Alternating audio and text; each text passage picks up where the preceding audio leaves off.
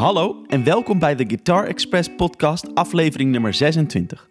Op het moment dat ik deze woorden uitspreek, zitten we bijna aan een jaar vol gitaarpodcasts.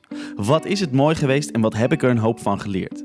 Ik heb zoveel toffe mensen leren kennen waar ik zonder deze podcast niet mee in aanraking zou zijn gekomen. Ik ben hier heel dankbaar voor en ik vind het te gek dat jullie al zo lang meeluisteren en de podcast hebben zien groeien tot wat hij nu is. Binnenkort gaan we ter ere hiervan iets leuks ondernemen, dus houd onze social media kanalen in de gaten.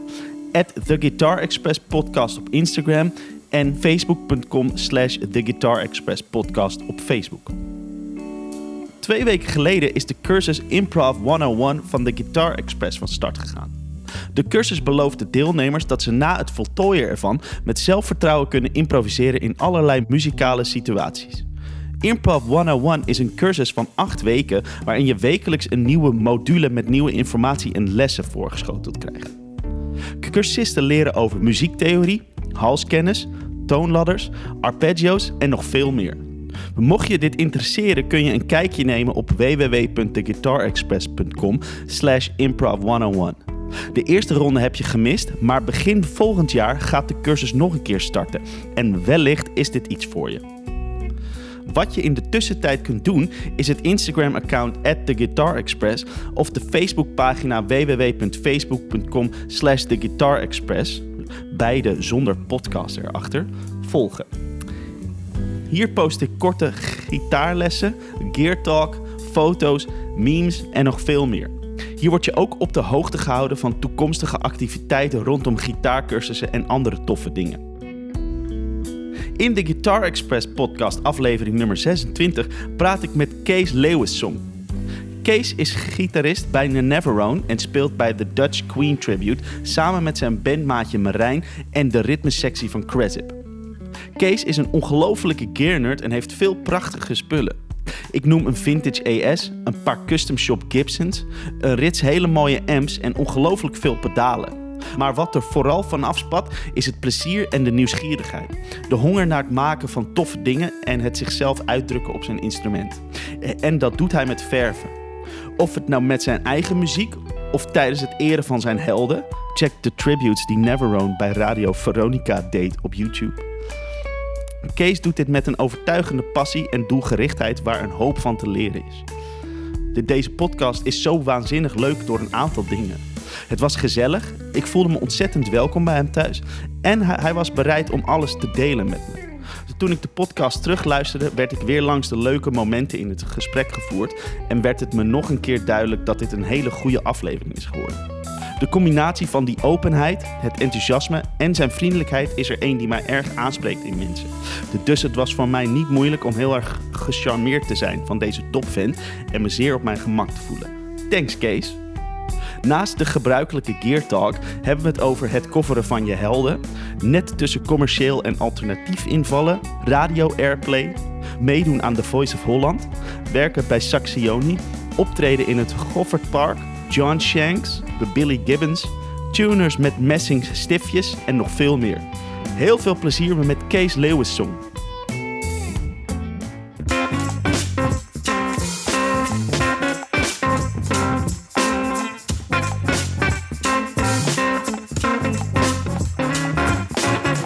Hey, dankjewel dat ik hier mag zijn, man. Ik vind het echt leuk om uh, hier in jouw, jouw hol te zijn, jouw soort een cave of zo. Een soort, uh... Ja, man, leuk dat je bent. Ja, thanks. Um, wat, wat zijn je, je invloeden eigenlijk? Wat, wat was nou de, misschien de eerste waarvan je dacht van... Wow, dat is zo vet, dat, dat gitaar spelen, dat wil ik uh, ook gaan doen. Ja, dat gaat al uh, lang terug sowieso. Ja. Uh, ik ben begonnen op mijn achtste om met gitaar spelen. Maar ik denk dat een belangrijk uh, invloed was de band van mijn pa. Oh ja. Die speelde in de 60s band, dus ik ben helemaal opgegroeid met Beatles, Stones en... Um, en ik weet nog goed, dat was de zomer van 1995, dus ik was een jaar of zeven, net voordat ik gitaar ging spelen speelde, speelden ze Apache van the Shadows. Ah. En dat, was, dat vond ik toen zo ontzettend vet. Ja, ja, ja. En die sound en die vibe en uh, ja dat, vond, dat was al het eerste nummer eh, die ik heel graag wilde leren spelen. Dus ook, dat was een van de eerste nummers die ik ook kon. Qua Vet. het hele liedje spelen. Ja. En als je er achteraf naar kijkt, van, ook bij ons stond vaak de radio aan. En eh, toen had ik dus cassettebandjes waar ik zelf ook eh, liedjes mee opnam. En liedjes die me daarbij het meest zijn bijgebleven zijn eh, Walk This Way, Hm. ehm, Alive van Pearl Jam en Paradise City. Dus eigenlijk die drie liedjes. En dat zijn wel de gitaristen die mij wel echt gevormd hebben later. Dus vooral ook Slash. Daar wa- was ik echt mega fan van. Ehm, de Stones. eh, mijn pa nam me mee naar de Stones in s- nee, 98. Eh, toen zag ik Keith Richards spelen en dat was de eerste band waar ik echt fan van was. Ja, ja. En ehm, Keith Richards is gewoon ja, zo'n held. Dat was toen dus een held. Later werd, zakte dat een beetje weg. Met, toen werd mijn smaak wat harder, dus ging ik meer richting Ja. de metal en hard rock. Maar later, eh, tijdens eh, rond mijn achttiende of zo, kwam die liefde voor Keith Richards weer echt helemaal terug. dus ja, Keith Richards, Sla- Slash, ehm, later ook eh, Jimmy Page, Dave Gilmore, Hmm. Billy Gibbons, ehm, de grunge helden van Ja. Soundgarden, Chris Cornell, Ja. Alice in Chains, ehm, Peter Green, meer met de blues. Ja, dat zijn wel een beetje... en ook eh, Ruben Blok van Triggerfinger, Ja, oh ja, ja. René van Barneveld. Ehm, mis ik nog wat? Mis ik nog wat? Mark Knopfler ook wel. Hm. Ja, dat is, dat is een beetje mijn... Eh, Brian May niet te vergeten. Ja, natuurlijk. Ja, ja. Ja. Ja, ja, ja. Dat, dat eh, ook, ja, ik was daar nooit echt een, het was nooit een, een idool of zo, maar eh, ja, met, ik speelde dus ook in een tribute, Queen tribute, toen ben ik er echt zo erg ingedoken en later is dat ook wel weer echt zo iemand geweest die wel heel erg bij mijn stijl ook past qua solo's Ah, ja. en eh, vind ik ook gewoon heel gaaf. Ja.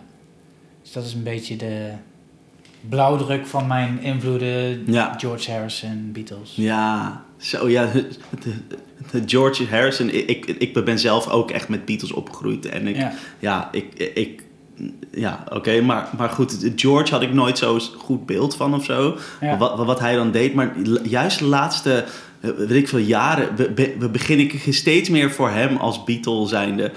Dat ik denk, wow, hij heeft zo vette dingen gemaakt. Maar ook Ja, hoe, die, ja. hoe, die, hoe die bepaalde partijen speelde of zo. Zo vet gewoon. Zeker. Ja. Echt, echt, eh, ja, dat is denk ik wel een soort van, eh, ja. Hij is ik stiekem, stiekem ook wel de, echt de, de parel van de Beatles of zo. Hè, weet je wel? Ja. Hij heeft echt de, Een soort, ja. zijn nummers die hij geschreven heeft in die tijd. Ja, dat zijn wel eh, ook veel, voor veel eh, fans ook de, ja, de favorieten. Here comes Ja, the sun, ja. something, Ja. My Guitar Ja. Weeps. Jezus man, dat is allemaal zo goed. Ja, Ja. zeker. Dus Ja. die, eh, en John Lennon ook. Ja, natuurlijk, ja.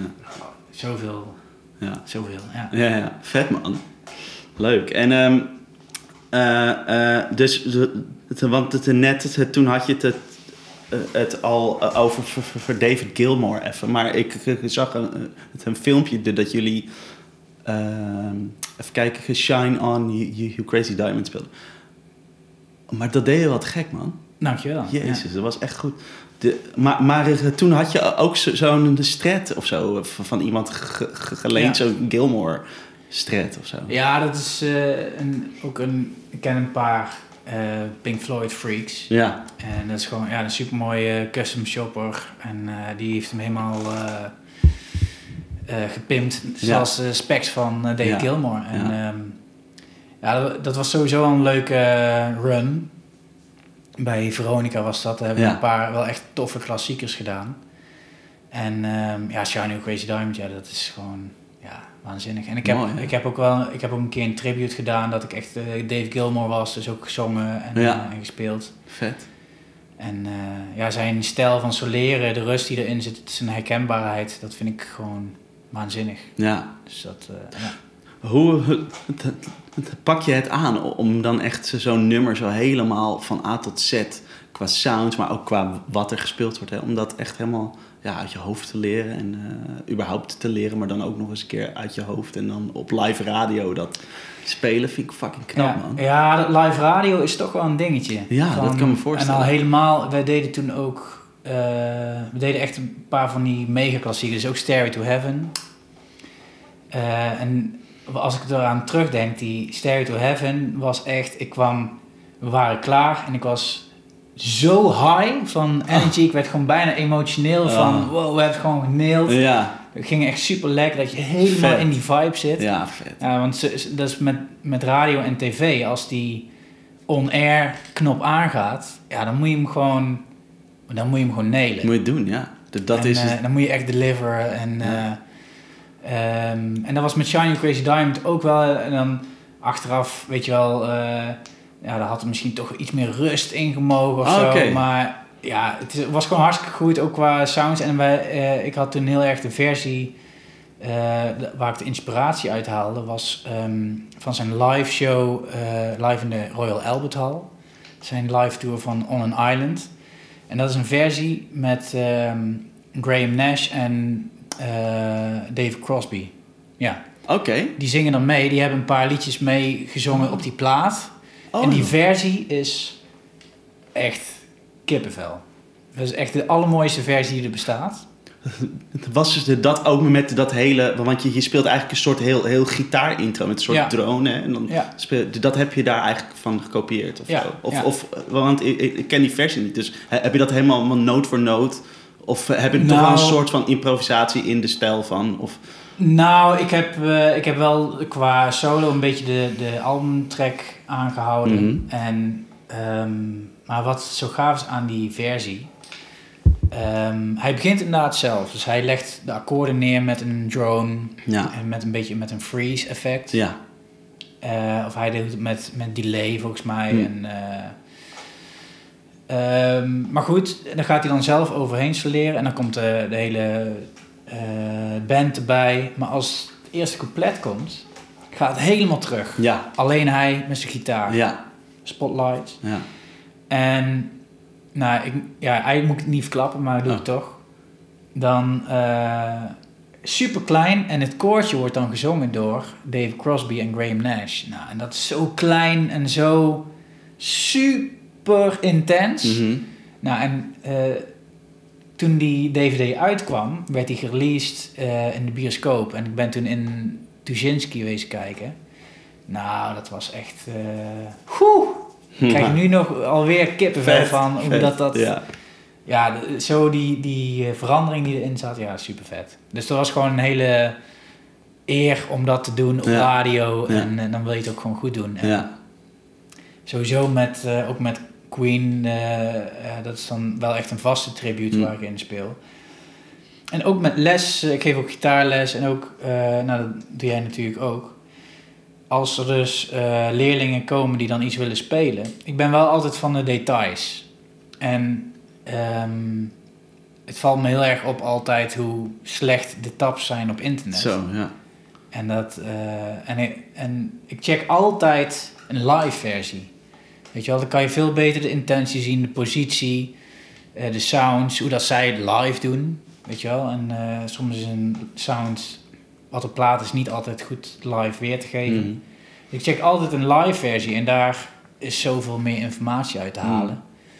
En ehm, ja, dat, dat vind ik altijd wel, daar ga ik echt als een nerd in, helemaal diep in. En eh, vind ik super leuk om te doen. Vet. Om juist, En dan heb je de noten, de sound eventueel, maar dan gaat het juist om die intentie. Ja.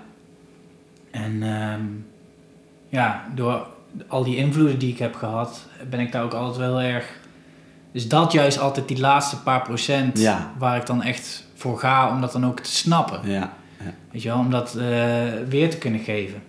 En dat vind ik eigenlijk, daarmee onderscheid je gewoon ook wel wat dat betreft heel erg van de rest. En als je het begrijpt, eh, al die helden van ons hebben dat ook met hun helden gedaan. En als je dat begrijpt, kan je dat ook weer snappen en dat kan je ook weer gebruiken voor je eigen dingen. Ja. Dus eh, ja, Vet. dat vind ik altijd heel gaaf om daarin te duiken. Ja, want dat, dat viel me ook op bij die, die Dutch Queen eh, tribute, waar je dan bij speelt. Dat, dat je ook, ook heel veel van die partijen van, van Brian May best wel, ja, echt, echt heel erg gedetailleerd allemaal, eh, ja, weet je wel, na, na, naspeelt. Dat, dat, het klinkt een beetje eerbiedig, maar goed, dat, eh, oneerbiedig, maar dat is natuurlijk feitelijk wat het is. Ja, tuurlijk. Ja. Ehm, en ehm, ja, dus dat, dat is wel, wel tof. Hoe, hoe, hoe, hoe pak je dat dan aan? En dan ga je dan echt, echt heel, zo, zo één klein stukje over en over luisteren en dan dat we proberen te vangen in hoe je dat speelt. Nou ja, het is. eh, ehm, ik doe het eigenlijk 50-50. Want bij zo'n live versie zie je ook heel vaak hoe eh, deta- gedetailleerd hij het zelf neemt. Mhm. En als hij er een eigen solo van maakt, dan eh geeft hij mezelf ook. carte blanche. Ah, ja.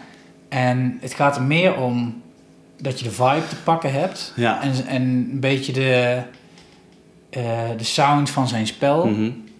En, want tuurlijk, sommige solos moet je gewoon nailen. Mhm. Maar stiekem heel veel ehm, zit ik toch ook gewoon met mijn eigen timing ook in. Ja. En dat is wel echt ook super vet aan Brian May. Hij is eh, natuurlijk staat hij bekend om wie hij is. Maar wat een hoop misschien niet zo heel veel eh, weet. Kijk, de songstructuren van Queen zijn nou niet bepaald het makkelijkste om eventjes overheen te improviseren. Dan moet je echt weten wat je moet doen. En nou, hoe dat Brian May dat doet, is echt zo muzikaal. En dan, eh, ja, wat hij dan live eh, neerzet, ja, dat vind ik wel echt heel indrukwekkend. Ja. Kijk, bijvoorbeeld, zo'n gitarist als Slash, die speelt veel meer noot voor noot zijn solo's. Ja. En eh, Dave Gilmore, die laat ook wel redelijk vrij. Eh, maar Brian May, ja, die heeft ook een hele mooie mix in. Dus dat, Ja. En dan, als, als zij dat doen, doe ik dat voor mezelf ook. Mhm. En om het eh, in je hoofd te krijgen, is altijd eh, de beste truc om zorgen dat je het kan zingen, de solo. Ja. Dat, je, dat die in je hoofd zit. En als die qua timing in je hoofd zit, dan ehm, lukt het ook om het gewoon te spelen. Ja. Dat is eigenlijk de truc voor mij. Ja, ja, ja zeker. Ja, wat ik, wat ik bij hem dan voornamelijk Brian May dan echt, want ik, heb zelf ook vaak ge- ge- ge- geprobeerd en ik heb ooit zo'n musical ge- gespeeld, eh, zeg maar Oh, die, ja. die Queen musical. Daar heb ik ooit een keer meegespeeld. Ehm, maar, eh, eh, dus ja, weet je, dan, dan ga je ook, ook die, die, die dingen dan spelen. Maar wat, wat mij er dan wel opvalt aan zijn spel, is dat het, het is allemaal heel erg ja, gedetailleerd. En hij heeft natuurlijk ook een heel, heel eigen sound met heel die, nou ja, die, die, die schakeling van die elementen en, en al dat uitfasen en zo. Maar eh, de- dus wat me opvalt, heel vaak als mensen dat dan naspelen in een filmpje op YouTube of zo, dat ik denk, ja, maar dat is niet hoe die het speelde volgens mij. Nee. En ehm, ehm, weet eigenlijk niet meer waar ik heen wil met dit verhaal. Maar ja, we- nou, nou ja, wel dit. De- dat het gewoon zo, zo erg ehm, ja, gedetailleerd is om, om de- dat het na te spelen. En dat is toch best wel lastig, helemaal om dat dan live te doen of zo. Ja, Maar ehm, ja. maar dat, dat is ook eh, wel echt hard werk hoor. Ja, Het is waanzinnig leuk om een Queen show te spelen, want het is altijd feest. ja, Weet je wel, ja. iedereen Ja. kent alle nummers. Ja, En, maar ja, het is wel bijna in elk nummer inderdaad een solo. ehm, en ja, je moet echt je kopje erbij houden. Mm. En vooral, zeg maar, je kan jezelf gek maken. Want, ehm, ja, eh, je moet op sommige punten echt heel erg... Ik heb echt geleerd om, om op de juiste moment te kunnen focussen. hm, Want er zijn ook shows, met, vooral met, eh, met de Queen Tribute ook wel eens geweest, dat je er gewoon niet lekker in zit. hm, Begint het niet lekker. Hm. Nou, en dan eh, kan je jezelf dus gek maken. En dan ga je fouten maken die je voorheen nooit zou maken. ja, Ook al heb je iets zo vaak gespeeld, Ja. dat je dan even niet meer weet, oh shit, welke, welk vakje was dat ook alweer? ja, ja. Weet je wel? En ehm, ja, daar kan je jezelf heel erg ge- gek in maken. Dus eh, dan heb ik altijd van, oké, focus. Wat is mijn hoofdpunt nu? En, Mhm. dan, eh, en soms gaat het ook gewoon juist heel erg goed als ik er niet over nadenk. Ehm, maar ja, het is wel echt wel pittig, die, eh, die Queen shows. Om dat gewoon lekker ontspannen te spelen. Dan moet je wel echt inzetten. Dus dat is eigenlijk... Voor Queen ga ik wel eh, een twee uur voor de show... ga ik alle solos nog even doorspelen. Oh, Oké, wauw. Ja. Gewoon eventjes... eh, oh ja, dit. En dan... Ja. eh, als je daar Oh, even een beetje in komt. Ah, te gek. Ja. En, ehm, maar, maar, maar, maar lukt het je, je, je wel om hem tijdens zo'n show, als je merkt van ah, ik zit er niet lekker in, dan lukt het je dan om jezelf weer te herpakken, zeg maar? Niet altijd. Nee, nee dat, dat, Ja. dat, vraag ik omdat ik, Ja, dat- ja. ik, ik herken dat en ik vind dat heel moeilijk. Ja, ja dat is... eh, ja, vooral... Ik heb, ik heb wel eens een paar shows gehad... waarvan ik, ja, wat gewoon niet heel erg mijn beste show was. Nee. Ja, dat En- gebeurt en dat, natuurlijk. Dat maar- gebeurt wel eens, uiteraard. Ja. En ja, met, met Queen is het gewoon, eh, ja, het is gewoon pittig. Omdat, eh, maar dat maakt het ook spannend, Ja. weet je wel. En, en juist eh, als je ook, eh, kijk, de ene nummer moet je gewoon letterlijk doen, de andere Ja. eh, laat ik gewoon helemaal los. En dat zijn wel even de momenten dat je adem kan halen. Ja. ja. En het hangt ook heel erg van het repertoire af. We hebben wel eens de Millionaires Waltz gedaan. Dat is echt een bitch. Echt, dat is nog, ja, is nog nooit zo'n moeilijk nummer geweest die ik ooit heb moeten spelen. Die gaat echt alle kanten op. ja. En dat is dan zo'n nummer, echt, je speelt niks hetzelfde, zeg maar. Geen enkele keer hetzelfde. Ja. Dus ja, dat is zo'n nummer waar ik wel echt moeite had om dat eh, uit mijn hoofd te leren, zeg maar. Dat is dan moeilijk om, om, om dat een soort van. Want, want als je ze zelf soort in een nummer hebt geschreven, zo van iets wat elke keer anders is, dan, dan is dat veel makkelijker omdat dat je snapt waarom je dat doet. Maar als je dat moet nadoen of zo, dat is echt lastig inderdaad. Ja. Nou ja, over eigen nummers, ook wel grappig. Afgelopen zomer ehm, hadden we een paar shows staan en ehm, nou, toen hadden we weer wat oude nummers gespeeld. En van, eh, weet ik veel, eh, zes jaar oud of zo. Ja.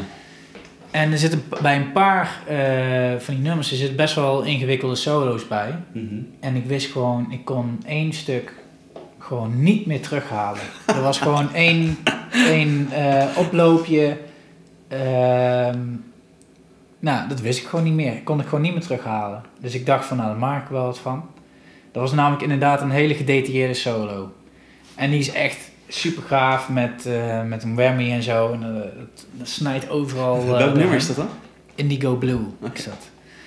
En ehm, ik wist het niet totdat ik het live op het podium speelde.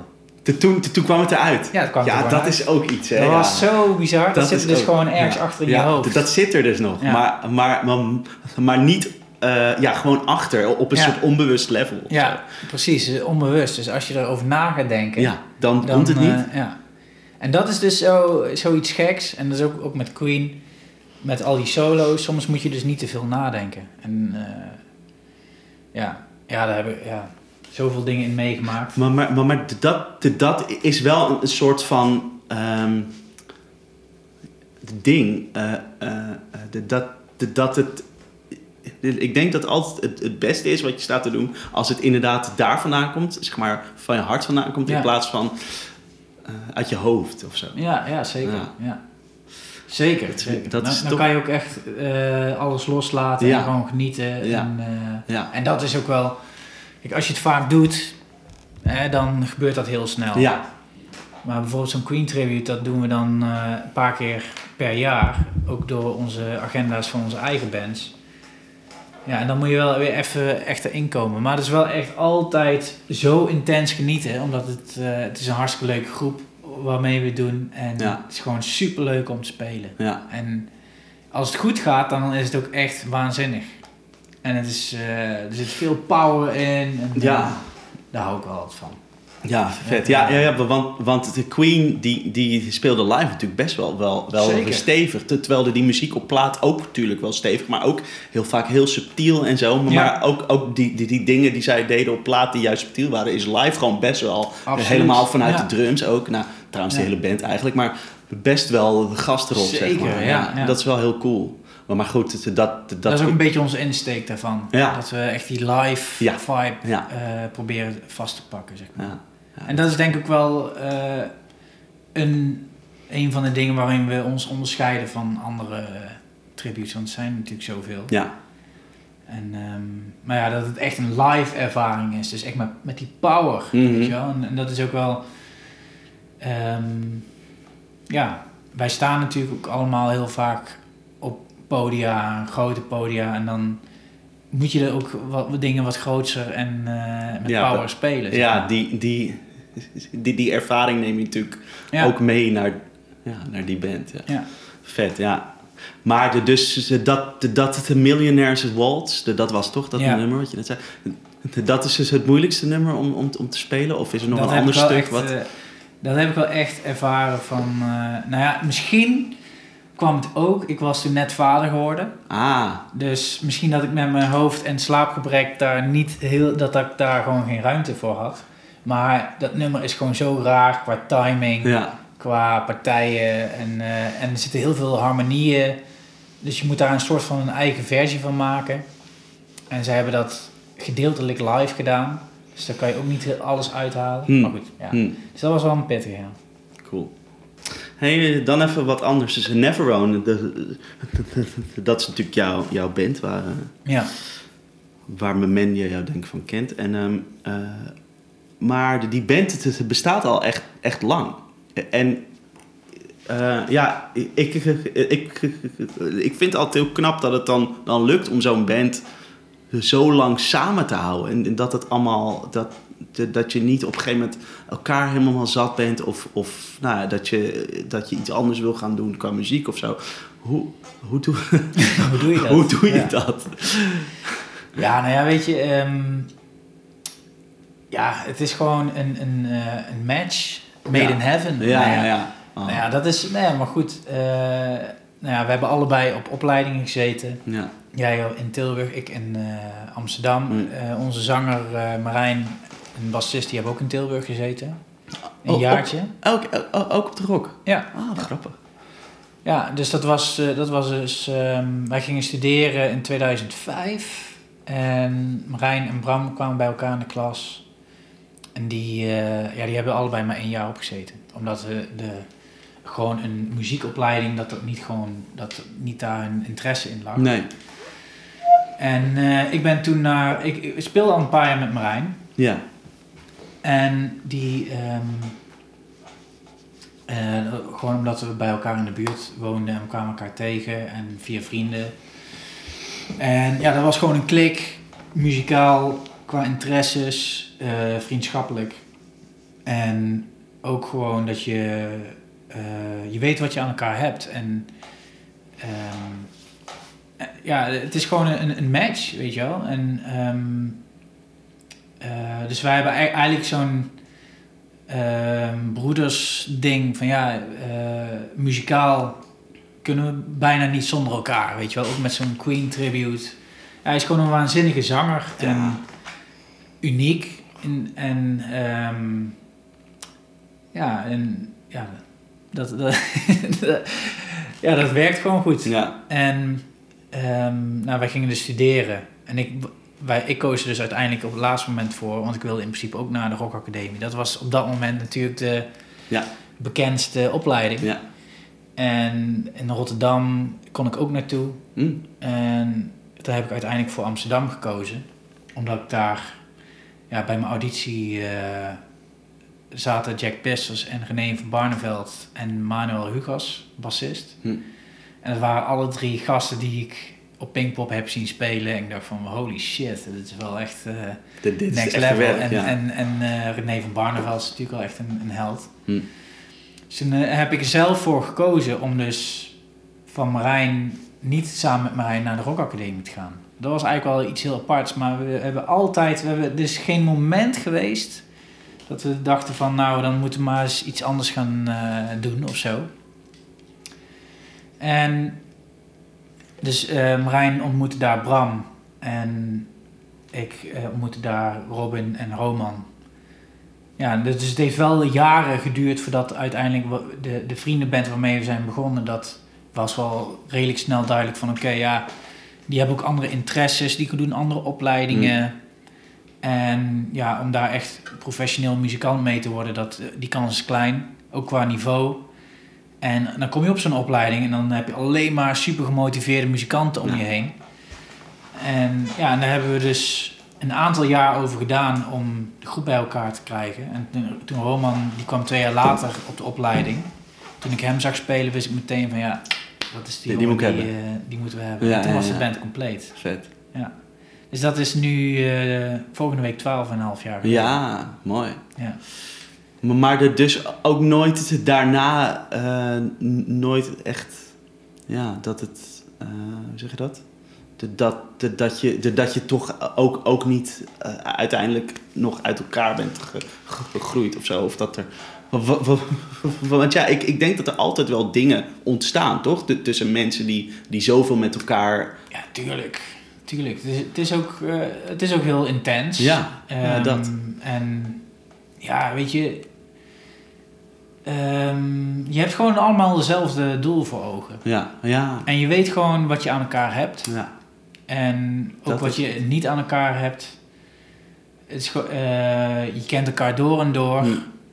Nou, en het is ook, weet je wel, ehm, en je, je hebt ook wel perspectief, weet je wel. Het is ook, eh, bij ons is het wel altijd, de, de, de stijgende lijn is er altijd geweest. Al is die niet heel erg snel gegaan, maar wel sustainable. Hmm. Omdat we konden doen wat we wilden. Ja, Dus dat we, dat we eh, door het land konden toeren, dat we door Europa zijn, hebben gespeeld.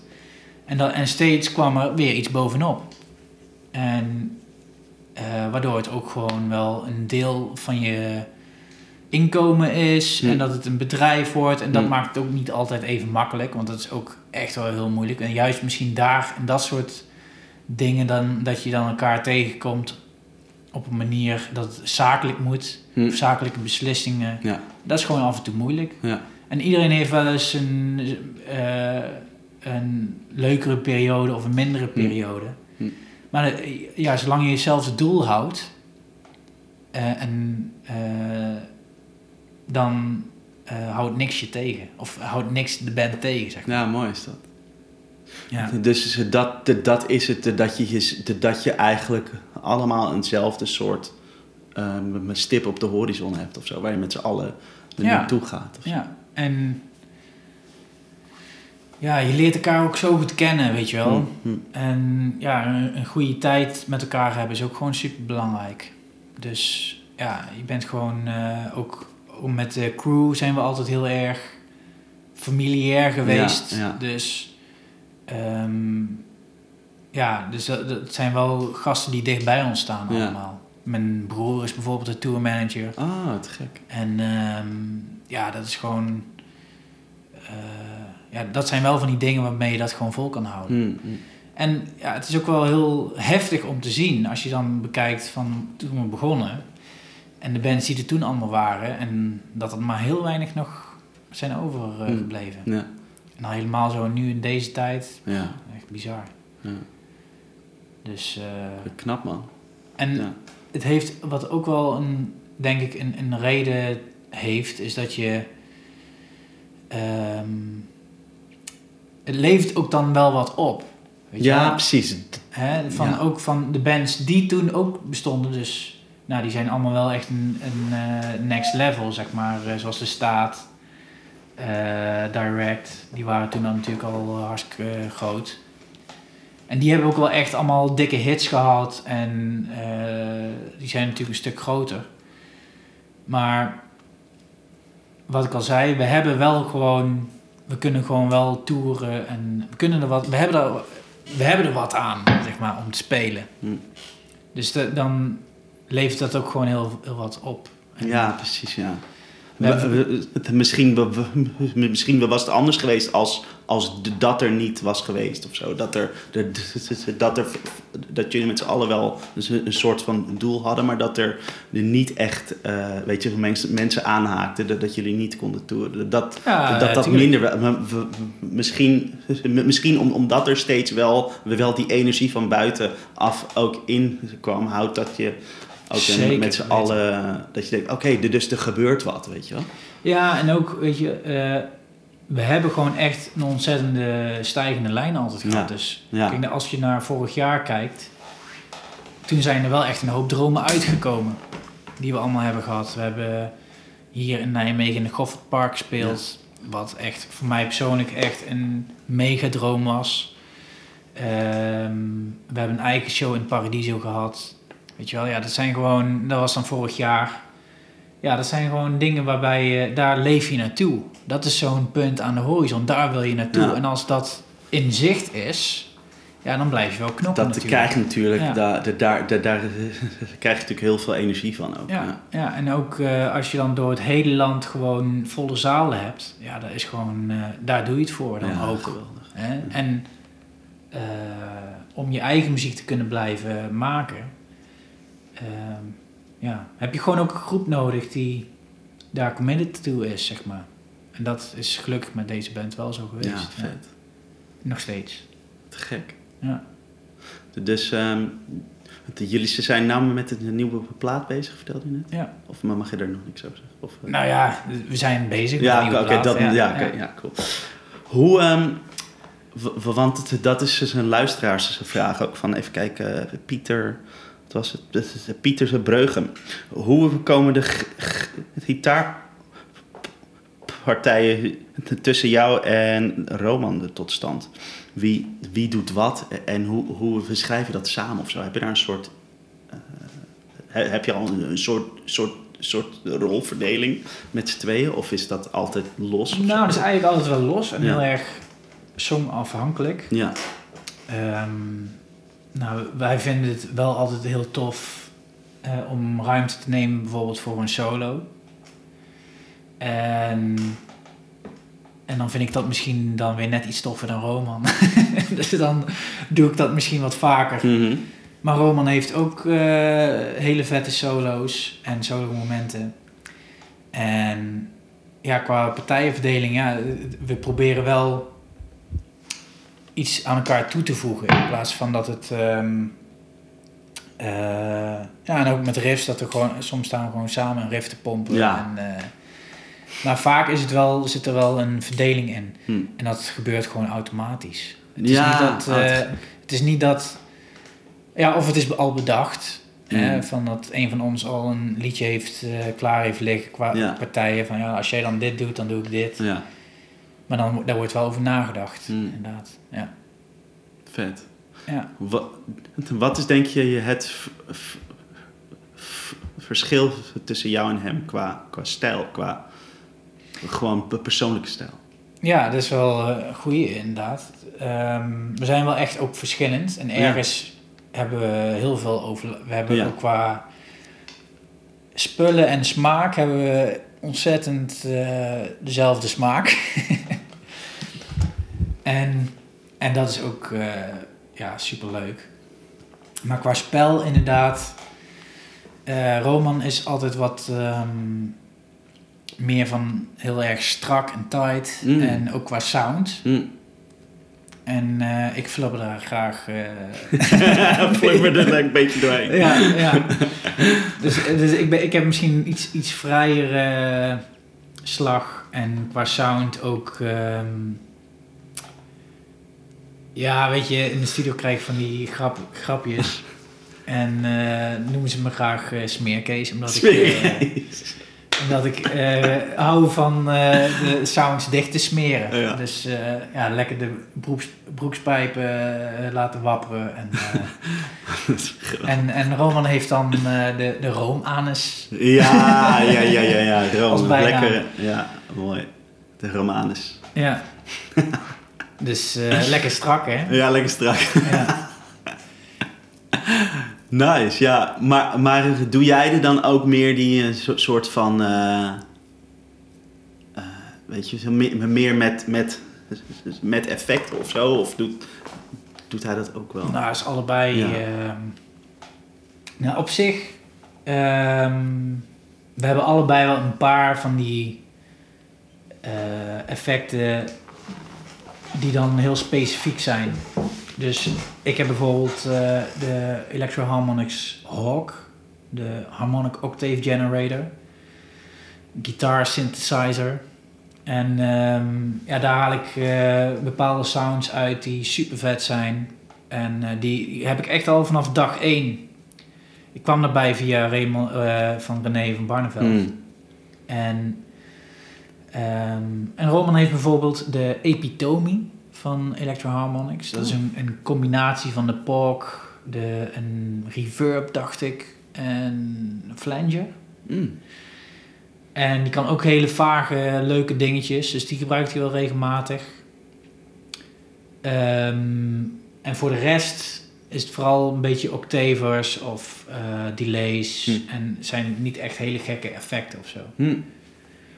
Er ligt hier natuurlijk een hele bult. Maar ehm, ja, dat is eigenlijk een beetje de, de, gewoon de basis. En dus we hebben niet hele gekke Nee. dingen of zo. De whammies soms ook nog wel misschien. Ja, dat haal ik dus ook uit de Oh, dat rock. haal je daaruit? Ja. Ah. Ja, dus de, inderdaad een whammy. Dus je kan, dat is een, je kan alles met octaven. Dus eh, oh, en dan kan, ook... Je kan, eh, je kan met een expressiepedaal kan je ze mee Ja. eh, als een whammy gebruiken. Ja. En eh, dat is wel echt heel gaaf. Vet.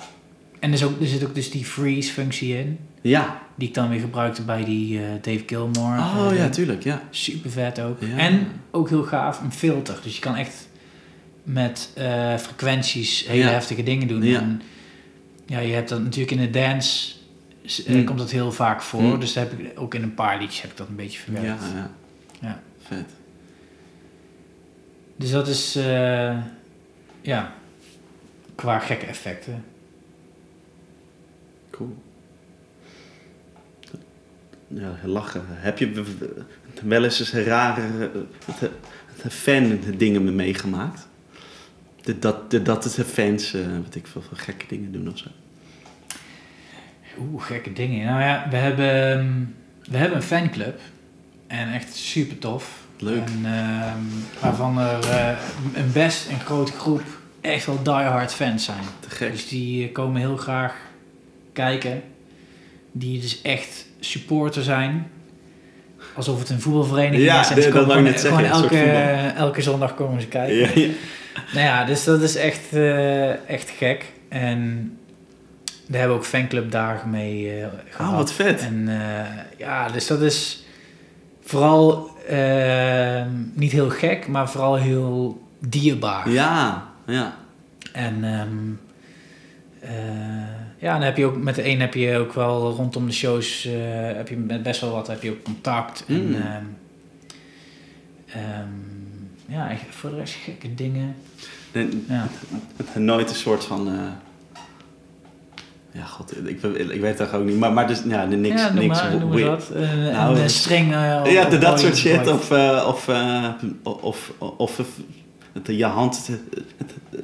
tekening, tekening op, eh, op- op, op de, borsten, zeker. Dat Of is billen wel, of borsten, eh, ja. dat is ook absoluut wel voorbij gekomen. Ah, oké. Dus is- dat is dus wel, wel, wel het leuke, denk ik, aan, aan, aan eh, dat je dan speelt in een band.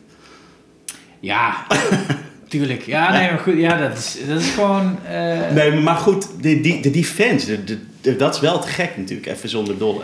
Ja, weet je, en dat is ook wel echt wel een groot deel. Kijk, je had het er net over van... ehm, waardoor eh, blijf je als band Ja. zo lang bij elkaar? Ja, en daar hebben de fans gewoon wel ook een aandeel ja, in. snap ik. Het is namelijk iets, daar kan je ook als band een beetje op bouwen. Ja, als, eh, als er weer een tour aankomt, is het nou is het niet echt billen knijpen, gaan er mensen, gaan mensen komen. Ja, ja. Hè? Je weet gewoon dat er eh, sowieso een bepaald aantal tickets worden verkocht. En Ja. natuurlijk, als je hele grote shows gaat doen, is het spannend. Of je het uitverkoopt of niet. ja. Maar en, eh, er zijn de afgelopen jaren heel veel nieuwe fans bijgekomen. Maar ja, het is gewoon waanzinnig leuk dat, dat, dat we echt een grote groep diehard fans. En het leuke daaraan is ook, zij hebben elkaar ook gevonden. Dus Mm. het is ook echt een De vriendengroep community geworden. of zo, ja. Dus ze zijn eh, Oh, zelf met elkaar eh, op, eh, aan, gaan kamperen. Weet je wel. En dan, en dan, Cool, en dan, man. zie je van die dingen voorbij komen. En de- ja, dat is gewoon... af en toe heel raar, maar ook superleuk Ja. ja. dat, dat, dat ze dat met je muziek hebben. Nou, maar, maar, maar, maar wel, wel te tof dat jij of, of jullie eh, eh, dat kunnen zijn voor mensen of zo. Dat kunnen Dat is, ja, dat is echt dat is wel... super dierbaar. Ja. Ja, Dat is echt wel heel tof. cool. Ja. Vet, ja, we, wan- we want het net, net het zeg je van, we hebben de afgelopen tijd eh, heel veel nieuwe fans gehad. En eh, ik, ik kan me voorstellen dat het een beetje met, met The Voice of Holland is meegekomen Ja, of zo. ja, zeker. Wat was ooit eh, eh, het ding van, oké, daar gaan we aan, aan meedoen? Want dat, dat, dat, dat is denk ik wel echt een soort stap of zo, om zoiets te doen. Dat was zeker een stap, nou ja, ja. precies, ja. Dus ja. Ja, nou ja, dat is... eh, ja, weet je... ehm, daar dat was echt niet zomaar eh, een... Ja, dat gaan we doen. ja. We werden, we werden daarvoor benaderd. Kijk, dat is algemeen bekend. Dat er, eh, ze moeten elk jaar weer een nieuw seizoen maken. Ja. En ze zijn altijd op zoek naar karakteristieke zangers en zangeressen die ze weer kunnen... En daardoor, eh, ze hebben ook een scouting. En Ja. ze gaan zelf op zoek naar deelnemers. Zo was Marijn al wel eens een keer gevraagd. Maar nu kwam dus echt de vraag van... hey, we hebben het idee, eh, of eigenlijk van eh, John de Mol zelf kwam het idee... Die had ons namelijk bij Veronica gezien. Dus zo'n Shiny Crazy Diamond. Oh, dat had hij gezien. Nou ja, een Oh, specifiek nummer weet ik niet. Maar ja, dat is natuurlijk Veronica. En dat is eh, Giel Belen. Ja. En dat is eh, Talpa. Ja, John de Mol. ja. En de voice is ook van hem. Dus hij had het idee van... Hé, hey, laten we een, eh, hun benaderen als band om mee te laten doen. Ja. Nou, en eh, in eerste instantie zou dat alleen zijn. En ehm, nou, echt behoorlijk veel gesprekken gehad. Ook eh, wat een heel veel voorkomende vraag is: van, is het voor, vooraf afgesproken, dat soort dingen. Nou, en dat was dus of, hoe ver je komt, weet je wel. Ja, Ehm, en dat was dus absoluut niet zo. nee. Ehm, Want, want het, hoe- ver zijn jullie gekomen? Ik weet het eigenlijk niet eens. we zijn eh, tot de allerlaatste ronde, dus we zijn Oh. tweede geworden. Oh, Dus je bent tweede geworden. Ja, dus eigenlijk eh, net ja, de finale gehad. Ja. En, eh, nou, en dat was een periode dat ehm we werden benaderd met de band. En het is echt heel vaak op en neer gegaan. Ja, we gaan het doen. Nee, gaan, als het dit is, dan gaan we het echt niet Nee, doen. Nee, nee. dan eh, laat maar zitten. Ja. En eh, oké, we gaan het toch, we gaan ervoor. ja, en dat is echt, zelfs op de laatste dag is dat echt vier, vijf keer op en neer gegaan. Om die laatste onderhandelingen, weet je wel. Ja, Nou, en er wordt altijd gespeculeerd over contracten Mm. en dat soort dingen. Maar goed, wij hadden al een contract. Eh, we hadden al een label, Mhm. dus dat viel af. ja. We hadden dus al een tour staan. En, eh, ehm, of dat, ja, dat hadden we allemaal al geboekt ten tijde van de live show. Dus dat was, eh, dat was een van onze argumenten. Nou, om van, nou, dan willen we garantie hebben dat we naar een live show ko- komen. Mhm. Zodat we ehm, geen inkomsten mislopen als we die data vrij moeten houden. Want daar stonden shows gepland. Mhm. Maar dat was allemaal, eh, eh, dat was allemaal niet mogelijk. Nee. En dus zijn we er toch uiteindelijk voor gegaan. De enige voorwaarde was ehm, dat eh, als er niemand zou draaien, dan konden we zeggen van dan, dan wordt het ook niet uitgezonden. Mhm. Ja. Dus dat was het enige qua onderhandeling wat we eraan over hebben gehouden. Mhm. En, maar ja, je moet ook eh, voorstellen. ehm, wij zijn altijd een band geweest die altijd op de lijn stonden van eh, dat we wel airplay zouden Ja. kunnen hebben, of dat we een groot publiek zouden kunnen hebben, of dat we te alternatief zijn. Maar we zijn weer te poppy voor de alternatieve kant, Ja. Europees gezien bijvoorbeeld. Mm. En ehm, dus we zaten altijd heel erg tussen. En toen zijn we ervoor gegaan. En ehm, nou, uiteindelijk heeft het echt ontzettend veel opgeleverd. En was een ontzettend leuke ervaring. En, ehm, en ook dus, we kwamen bij de live shows. En dat waren, was echt een insane maand. Want we hadden dus op vrijdag live show en op zaterdag een eigen show. Want we hadden dus wel nog die tour gestaan. En dan in die live shows, elke keer dat we een ronde verder kwamen, kwam er ook meer dingen die we dan in die week moesten doen. En dan die, vooral die laatste week was echt insane. Vrijdag live show, dat was dan de halve finale, gingen we door. Zaterdag eigen live show. Zondag de studio in om single op te nemen. Eh, de hele week allemaal nog opnames. En ja, ja dat was uh, een hectische tijd. hectische tijd, maar echt waanzinnig om mee te maken. En uh, heel leuk. En, en ook niet te vergeten, rockmuziek is nou niet bepaald een mainstream genre meer. En dat ligt niet aan het publiek, want er is nog steeds genoeg publiek voor. Er zijn zoveel mensen die dat willen luisteren. Ja, en, maar het komt niet meer tot die mensen. In ieder geval nieuwe muziek niet meer. En um, nou, de, de Wereld Door was toen ook al, uh, werd al minder.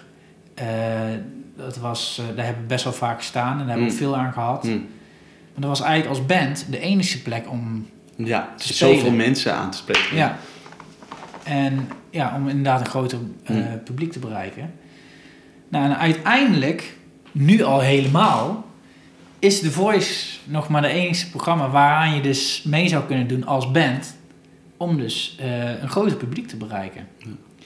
En ons doel was ook om, en dat was ook wel best wel hoop gehandeld tijdens de, de hele Voice avontuur. We wilden heel graag eigen nummers spelen. Maar het was de hele tijd de afweging. Gaan we met een eigen nummer de volgende ronde halen? Ja, ja. Willen we dan die risico nemen of gaan we gewoon voor een, een liedje wat, uh, waarvan we ja, toch wel weten dat dat bij het publiek aanslaat en dat we dat goed kunnen spelen. Nou, uiteindelijk stonden we in een finale en hadden we onze eigen nummer kunnen spelen. Dus dat is oh. ons, ons uh, doel was bereikt. De, oh, toen hebben jullie eigen track Ja, de allerlaatste, de aller, aller, nice. allerlaatste ronde. Dus dat was echt spannend. Ook die avond zelf nog. Oh ja? Ja, want je kon, je, er zou nog een afvaller zijn. Ja. En uh, ja, die, uh, dat waren wij eigenlijk niet. Ja. En dat was sowieso een insane dag, want toen werd ook onze tour aangekondigd en toen hoorden we de ene na de andere show die uitverkocht. en, uh, ja, maar dat is dan wel, dat is wel iets wat er dan mee komt of zo. Ja, dat, zeker. Dat wel ja. echt voor veel mensen, dat, dat is wel te gek. Ja. Dus, dus geen, geen, geen, spijt van gehad van die, die stap. Absoluut niet. Nee, echt, uh, echt, ja, echt een aanrader voor uh, veel bands. Het voelde het niet als een soort van een, sell-out uh, situatie. Ja, weet je, dat, dat was ons grootste drempel in het begin. Snap ik. Ja.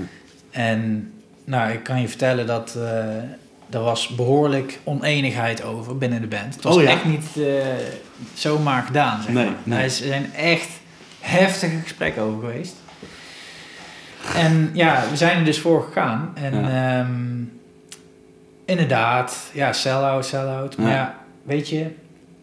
Uh, ik denk dat we bewezen hebben dat we dat niet zijn. En we hebben gewoon ook met de liedjes die we hebben gedaan... hebben we gewoon onze eigen ding kunnen doen... En de wereld is, of de muziekwereld is zo ontzettend veranderd de laatste jaren. En ja, wat ik al zei, dit is gewoon de, het was gewoon een hele slimme set. We hebben er gewoon als band superveel aan gehad. Professioneel ontzettend veel. We hebben heel veel nieuwe mensen bereikt. De alternatieve kant, die dus... Um, waarmee je daarmee eigenlijk de rug toekeert. Ja. Door dus als sell-out bij, ja. met de voice mee te doen die hadden toch niet echt achter ons staan. Maar, maar, maar, maar zijn er wel mensen afgehaakt of zo? Ben, zeg maar. Amper. Ja. Nou ja, weet je wat ik. Die zullen er vast zijn. Ja, ja. Absoluut. En, maar we hebben er zoveel meer mensen voor teruggekregen. En misschien ook andere type mensen. Maar dat is wel wat we geleerd hebben.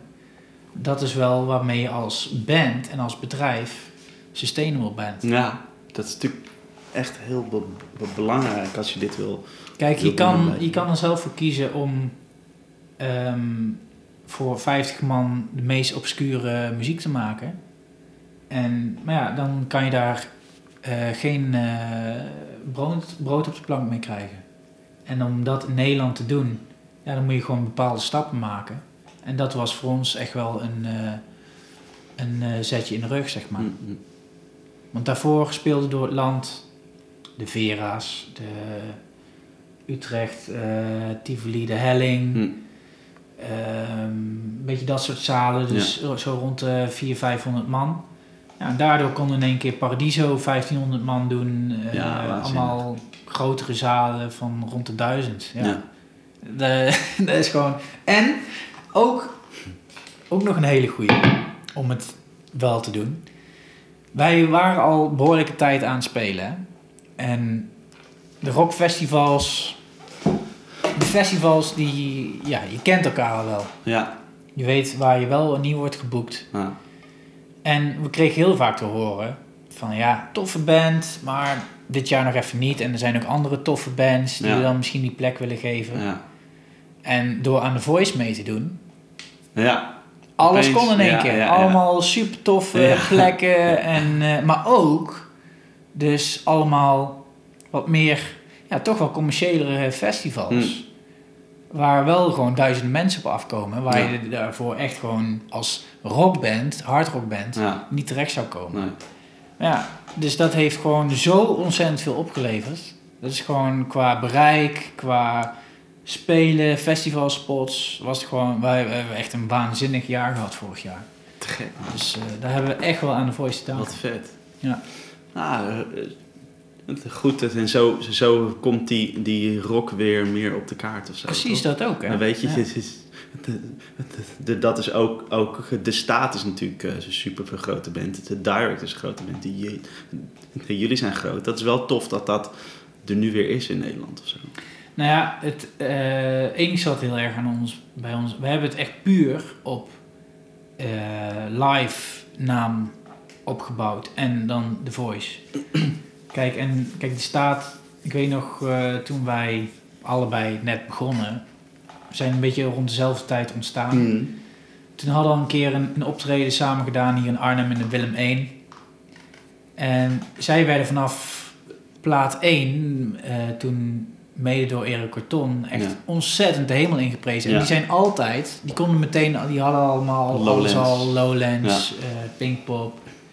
Weet je, dat is wel echt een ander level. Ja. Maar ja, die moeten het wel elke keer bewijzen. En dat doen ze elke keer super vet. En Ja. ze verzinnen allemaal super vette dingen. En Thor is gewoon super creatief daarin. Mm. Maar dat is nooit eh, het level waar wij überhaupt zijn geweest. En Nee. we hebben nooit airplay gehad. Echt Nee, geen nee, enkel nummer. Wel met allemaal die, de juiste intentie eh, geprobeerd. Alles geprobeerd, maar nog nooit een airplay gehad. Komt dat nu wel, die airplay? Nou ja, weet je, dat is voor ons elke plaat is dat een doel geweest.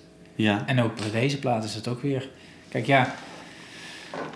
Het is ook ehm, een manier waardoor je door kan blijven gaan. Als Ja. band. Ja, ja zeker. ja. Dus dat is wel een, een, een doel. Ja. Maar of het gaat lukken, ja, dat weet je nooit. Nee, maar, maar, maar nu, nu is het anders natuurlijk, doordat jullie... Ja, misschien heeft het. eh, we hebben nog nooit. We hebben. Nou ja, die single die we toen uitbrachten, die is ook geen enkele keer Oh, eh, gedraaid. Dat, was ook, dat werd een harde rocktrack. Toch wel. En ehm, ja, dus radiolandschap in Nederland is gewoon wat rock betreft. Moet je dat heel. Eigenlijk zoals Queen dat heeft gedaan. Super slim natuurlijk. Gewoon, eh, eigenlijk, is het enigste dat je geen harde gitaar op je tracks moet hebben. Ja, shit, drums- wat, eh, wat Ja, shit. ja, Je, ja. hebt, je hebt al die shit hier staan. Ja, maar dan maar eh, gewoon funky eh, slagjes. nou, maar, maar, maar, kun je niet ge- gewoon één, weet je, zoet, de zoete liedje maken, dat uitbrengen en dan bam, een keigrote hit en dan Nou ja, wie weet. Als dat, ja, dat zou maar kunnen. Ja, dan zou je dat willen. Ja weet je, eh, het moet ook moet gewoon op je pad komen, zulke dingen. Ja. En eh, we zullen altijd eh, liedjes uitbrengen die, eh, waar we met z'n allen achter staan. ja. En, eh, en nu hebben we wel allemaal, ehm, ja, staan we daar wel erg open voor. Hm. Maar ja, of het gaat lukken, dat weet niemand. Nee, en we, hebben, we hebben al heel veel zoetsappige liedjes gemaakt, hè? echt waar. Ja. Het is sell-out, joh. Ja, man. nee. ja, we hebben op elke plaat hebben we inderdaad al super mooie, rustige liedjes. Ah, ja, ja. En dat, dat vind ik zelf altijd. eh, ik hou ook heel erg van hele rustige muziek. Hm. Daar houden we allemaal heel erg van. Onze muzieksmaak is heel erg breed. En dat vertalen we ook heel erg met de muziek, eh, met Neverone ook. Hm. En voor onze diehard fans is dat juist ook de reden waarom, eh, waarom ze zo fan zijn. En, maar voor de muziekindustrie is dat weer heel lastig. Ja. Ja. Ja. Dus je hebt een stempel Ja. en ja, dat is gewoon Dat heel lastig om dan... eh, maar ja, het heeft met zoveel dingen te maken. Hm. ja. En we zijn nog niet precies achter waar het, Wat het nou is, ja, ligt. ja, ja, snap ik. Dus eh, het heeft ook met een doosgeluk maar, eh, Ja. te maken. Ja. Maar goed, met The Voice hebben we in ieder geval ook ehm, meegekregen dat, dat er publiek voor is. Ja. Hè, dat, er, eh, dat er rockpubliek is überhaupt. Ja. Ja. En dan is dat ook wel veel 30-plus publiek. En mensen die dus ook echt meer de tijden hebben meegemaakt dat rockmuziek wat Hm. populairder Hm. was. Maar ook veel jeugd bij onze concerten ook eh, is gewoon heel gemêleerd qua leeftijd. En eh dat is super tof om te zien. Leuk man. Te gek. Ja. Hey, eh, je hebt een keer eh, ehm, jouw held, het Billy Gibbons, de Ja. hand mogen schudden en Zeker, ja. zo lekker op de foto mogen staan. Dat is wel cool, zeker, om zo'n held eh, eh, te, te ontmoeten en je, en, en je gitaar te laten te, even signeren, zeg maar. ja. Hoe, hoe, hoe was dat om hem te, ja, om dat mee te maken? Ja man, dat is... eh, nou, dat is het toffe van in band spelen. Ehm, eh, aan de ene kant, je komt op festivals waarin je... eh, ja, je helden tegenkomt. En eh, aan de andere kant ook bijvoorbeeld door Europa heen... Ja, het is super heftig, maar ook waanzinnig leuk om mee te maken. Om af en toe zo'n toertje te doen. Maar dat met Billy Gibbons, ja, dat, zij waren, dat was Bospop 2015. Vijf jaar geleden alweer. En zij waren afsluiter en wij opener op dat podium. En eh, ja, dat was super tof, want je hebt daar de backstage, was gewoon één grote tent, waar iedereen zijn eigen kleedkamer had. En die van eh, Billy Gibbons, CZ Top, was gewoon een paar hokjes verderop. Mhm. En de andere twee die zaten de hele dag in de bus. En Billy Gibbons liep daar gewoon rond. En die was gewoon best wel benaderbaar. Wel via zijn assistent of Hmm. manager. En dan vroegen dat heel netjes. Mhm. En ehm, ja, ja, legend. En super waanzinnige ervaring. En Ja. eh, hij had een... eh, ja, het was heel apart dan. Het is een super schriele man natuurlijk. Dus ik had zijn mijn hand zo op zijn schouder. En dat was gewoon puur alleen bot. Ja, is hij zo, ja. En, eh, maar ja, ik vind hem wel qua sound super inspirerend. Hm. En, ehm, en qua knipoogjes wat hij heel veel met CZ Top heeft in zijn nummers, zeg maar. Qua smerigheid is hij wel echt de ultieme gitarist, Hmm. vind ik. En daar hou ik echt heel erg van.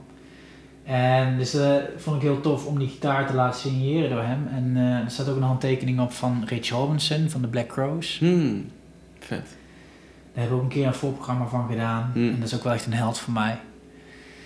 En, ehm en afgelopen jaar speelde ik op een festival eh, met Lenny Kravitz. En toen wilde ik heel graag dat hij dat nog zou signeren. Want ik, ik heb wel heel veel eh, naar Lenny Kravitz ook geluisterd. Maar hij kwam pas echt vlak voor het optreden. En dat was gewoon... eh, en ik, moest, ik heb zijn show niet gezien, want ik moest toen ook weer weg. Mm. Helaas. Ah, dus dat we hebben toen nog wel even een uur, paar uur gewacht nog of hij er nog zou komen. Maar, en was heel gezellig backstage. Maar, eh, maar ja, dat is wel, die gitaar ga ik wel, ehm, als ik dan helder tegenkom, dan laat ik die signeren, zeg maar. Vet. Ja. Dus mooi op de achterkant Ja, en dan, eh, ja. cool man. E- En de John Shanks, die heb je ook eh, Ja, ja.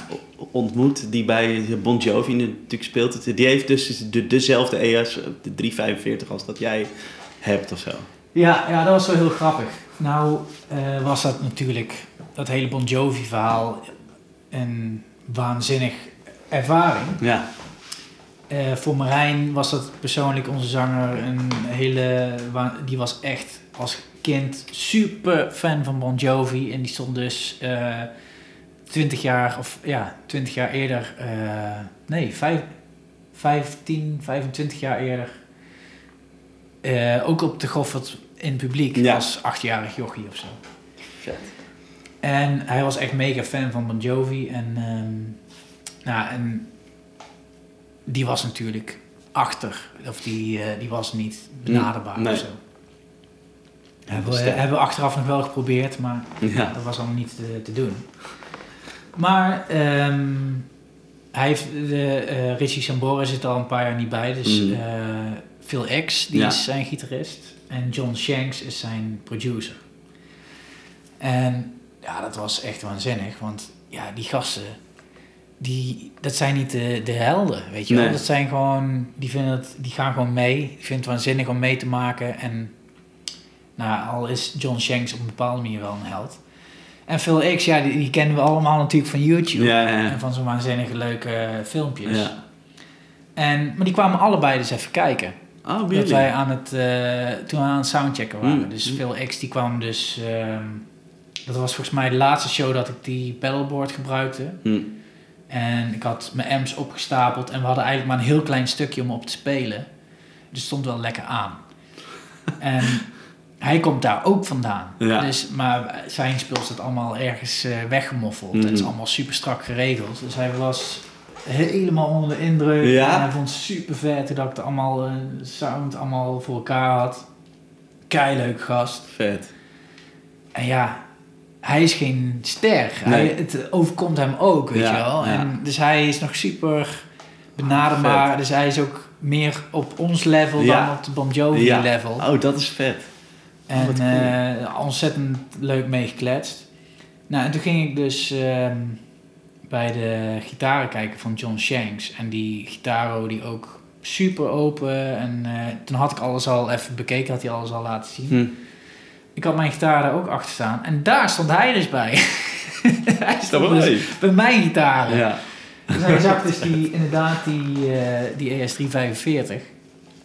En nou, dus toen, dan heb je gewoon meteen een klik. Ja. Zo van, hé, die heb ik ook. Ja, precies. En eh, daar heb ik ontzettend leuk gesprek met hem gehad. Super open. Hij heeft alles uitgebreid laten zien van Ja. zijn gitaren Vet, vet, en, vet, en, eh, en zijn pedalen. Nou, en dan moet ik eerlijk zeggen, ik wist wel John Shanks eh, dat hij een bekende producer was en dat hij dingen had geproduceerd die ik tof vind. Hm. Sheryl Crow heeft hij wat dingen Mhm. mee gedaan. En eh, nou goed, maar ik wist helemaal niet dat het zo'n verzamelaar was. Of dat hij zo'n heavy dude is in, in producerwereld. Ja. Dus daar kwam ik achteraf pas achter. Ja, ja, oh ja, ja, pas En- later. En, eh, en laatst heeft hij ook zo'n filmpje bij eh, Gibson ook. Hè. Oh, Zo, die heb ik ook zitten kijken met echt de ene verbazing in de andere. Hij heeft echt al, hij is echt, een, hij heeft het geld en hij is een waanzinnige verzamelaar. Echt Maar, maar dat- dan moet je nagaan wat voor geld daarin zit, joh. ja, Dat is echt- ja, ja. Maar dus met die ES eh, hartstikke leuk. En, nou ja, en hij heeft natuurlijk gewoon de allervetste versie. En eh, die van mij is super vet, maar is qua vind, die, hij heeft wel, eh, hij zit precies op de goede kant van de change, zeg maar. Ook qua value. Hm. En, ehm, maar ja, superleuk. Hm. En eh, ja, die foto is gewoon waanzinnig. En ik heb nog steeds, ik heb een andere legendarische foto. mijn vriendin was dus hoogzwanger toen. Hm. Dus heb ik ook nog eh, voor die tienduizenden mensen heb ik nog een foto met haar met een dikke buik Ja, voor het publiek staan. Dus het, ja, het heeft op zoveel manieren zoveel ja. eh, eh, mooie dingen opgeleverd. leuk man. En hij heeft ja, ook met zijn pedalen, ook zijn rig rundowns heb ik later ook bekeken. Ja. Maar en ja, superleuk en heel inspirerend gewoon. Vet. Ja, Cool man. Oké, dan een gear. Ik wil het nou even lekker kletsen over eh, ja leuk. gear dingen. Eh, deze is een Les Paul die, eh, die je hier eh, Ja, in je handen hebt, dat is volgens mij een, een custom shop, of niet? Ja. Ja. Ehm, ja, deze heb ik inmiddels ook al een paar jaar. en nou, ik heb jarenlang in gitaarwinkel in Amsterdam gewerkt, Saxioni, Oh, joh. bij Harry de Jonge. Ja. En sowieso, ehm, dat was nog in de tijd dat Gibson bij, door alle winkels, eh, dat je Gibsons kon bestellen voor in de winkel. Later werd het allemaal lastig. Ik heb die overgang meegemaakt. Hm. Toen had, veranderde Gibson een beetje in mentaliteit. Ja. Maar daar gingen dus eh, alle mooie custom shoppers uit die tijd. Dus Hmm. tussen 2005 en 2011 of zo heb ik daar gewerkt. Vet. En ja, die 59's waren gewoon de holy grails. Ja. Nog steeds. Ja, ja. En ook qua custom shop. ehm, ja, er zijn altijd een beetje verschillende periodes geweest met Gibson. En nou, op een gegeven moment besloot ik om ervoor te gaan. En eentje te zoeken. En naar de specs die ik wilde. Want ja, het blijft allemaal dezelfde gitaar. Maar intussen zijn er zoveel verschillende versies. En zijn er zoveel verschillende details om op te letten. En in de jaren dat ik daar bij Harry gewerkt heb. Ik heb zo ontzettend veel van Harry geleerd. Ja? Hij is, eh, hij is zo'n mega kenner op gitaargebied. Ik vind hem gewoon ehm, op details en ja, daar is, is hij gewoon de allerbeste daarin, vind ik. Ik ken er een hoop en hij weet gewoon zo ontzettend veel over vintage dingen. Hmm. En ja, de details waar je op moet letten. En omdat ik daar de liefde ook heel erg voor had, eh, heb ik dat heel erg eh, als een spons eh, opgenomen. Hm, hm. En nou, toen was ik dus een beetje op zoek naar een bepaalde Les Paul. En ehm, ja, toen kwam ik deze toevallig tegen op gitaarmarkt.nl. Ja. Waar nog zelden gebruik van wordt gemaakt Ja, volgens dat mij. is echt heel, heel dood al. Ja. Ja, en, maar dat was toen eigenlijk ook al. Maar dus, er Oh. had een Belg had deze gitaar erop gezet, nergens anders op. Maar daarop. En dit was... Sorry. Ja, dat is die input. Ja, die is een beetje gaar. Nou, Halen we eruit. Ehm, over deze Les Paul, ja. Die is dus uit 2005. En dat is dan begin eh 2000 jaren. Daar noemen ze een beetje de Good Wood Oh ja. period. Oké. En er zitten een paar details in die... eh, waardoor, een, waardoor dat de 59 Les Paul zeg maar zo bekend is geworden. En waarom die zo goed is geworden. Mhm. En ja, dat, dat zijn van die details die ik dan heel erg van Harry heb overgenomen. Maar ehm, dit was een gloss versie, dus was zeg maar als helemaal nieuw. Je hebt de VOS-serie, Ja, hè, ja. dat die een beetje oud is gemaakt, een beetje doffig, alles. En dit was de gloss versie. En dat vond ik sowieso wel tof. Gewoon een nieuwe gitaar. En ik ga hem zelf reliken. Nou is hij al behoorlijk eh toegetaakt in die paar Hm, jaar. hm, hm. Maar er zitten een paar hele toffe details in. De, de, wat je heel vaak sowieso bij die 59ers hebt, is dat de top is zo persoonlijk. Flame top. En eh, de ene houdt juist van een plane. Dus de 58er serie en, 58. eh, en de bepaalde flames en nekdikte. En ehm, ja, de- ik zag deze op de foto voorbij komen. Ik dacht van wow, dat is wel echt een top Hmm. die ik heel erg gaaf vind. Dus een beetje niet super strakke lijnen, maar een beetje golvend. Eh, Zo'n quarter sawn maple, dus super hard. En wat ook ehm, een detail is, kijk de 59er werd natuurlijk met de hand gemaakt. En die nekinzet heeft met een bepaalde graden te maken. En aan de hand daarvan staat die brug hoger of lager. En nou, je ziet bij een aantal, dus als hij heel laag staat, dan is die resonantie gewoon heel erg goed. En ik zag deze en ik ja, alles klopt er aan die gitaar. Mm. En nog een, een, een prijs wat eh, nog te doen was. En eh, toen ben ik ervoor gegaan. En ja, ik ben er zo blij mee. En het is, eh, hij speelt waanzinnig. En ja, ik heb er een, uiteindelijk nog een fase switch ingezet. Alle Jimmy Page. Mhm. Maar ik gebruik toch niet zo heel veel. Ook Nee, niet. ja. En voor de rest eh, ja, andere tuners opgezet. Oké. met die messing stiften. Oh ja, ja. Dat is dan het enigste waar Fender en Gibson dus niet op letten. Of ja, die hebben gewoon van die repro Cluson parts. Maar in de 50s en 60s werden die met messingstiften gemaakt. En later dus gewoon staal. En dat geeft gewoon een bepaalde brightness extra mee. Of je, alsof je op, op eh, verse snaren versus gebruikte snaren speelt. Het is heel weird om dat mee te maken. Maar het zijn allemaal van die kleine details die... Ja, de een geen fuck om geeft en de andere daar... eh, De ja, ander wel. Ja. De ander wel. Ja, maar dat is toch wat mooi. Merkt hij veel verschil toen je die, andere tuners erop eh, zette? Nou, met deze op zich niet zo heel veel, wel Nee. iets meer brightness. Uh-huh. Maar ik heb op een aantal gitaren heb ik van die eh Schaller eh, tuners gehad. Hmm. Ja, en daar was wel echt heel duidelijk het verschil te horen, zeg maar. Hmm. Dus de messingstiften, dan klinkt het echt als een verse snaar, Hmm. met nieuwe snaren. En die andere klinken dan in één keer een stuk dooier. Hmm, hmm. En je hoort er nooit iemand over. Nee. Maar Harry was dus zo, altijd zo iemand Ah, die daar wel, dus echt ontzettend op liep te bitchen tegen iedereen. En Harry kan eh, overal goed op bitchen. Ja. Die kan eh, de humeur goed eh, erop gooien. en dus ja, die, maar ja, en ik snap hem heel goed. Want dan ook met pick-ups, daar wordt er zo ontzettend op kleine details eh gemierenneukt. Ja. En op alle andere dingen, maar behalve de tuners. Terwijl dat dus best wel een groot invloed heeft ook. Ja. ja. Maar goed. Vet. Maar ja, en eh, ik eh, speel met super veel plezier op. Echt een waanzinnig ding. Dat is een mooi ding, ja. Kun je eens wat laten horen wat, wat die gitaar voor jou eh, qua sound zo... Ja, wat, wat sowieso wel heel erg opvallend is met al die Les Pauls, is dat je wel echt karakter hoort, zeg maar. Ze hebben wel allemaal karakter. Hmm. En deze heeft een hele zoete, warme karakter, zeg maar. Wel nog die brightness die veel mensen zoeken.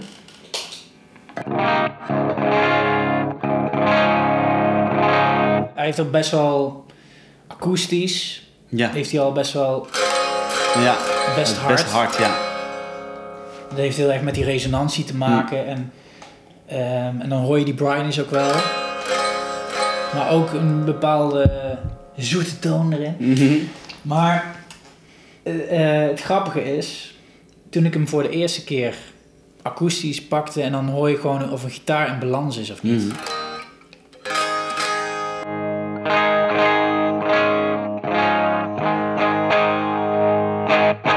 En dat was meteen van, oh vet. En toen kwam ik thuis, toen ging ik op eigen spullen spelen. En het eerste dan een beetje met wat heavier sound, met een fuzz of zo.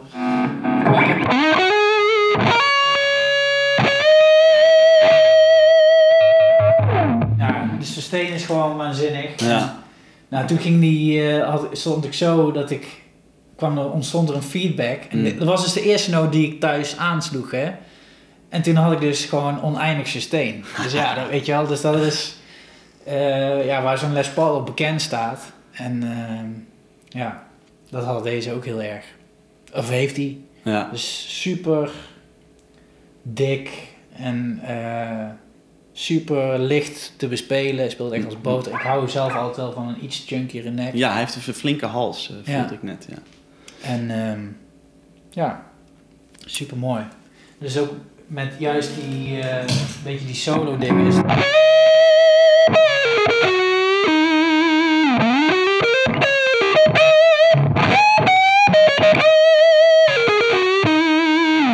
Is dat gewoon ja, lekker romig.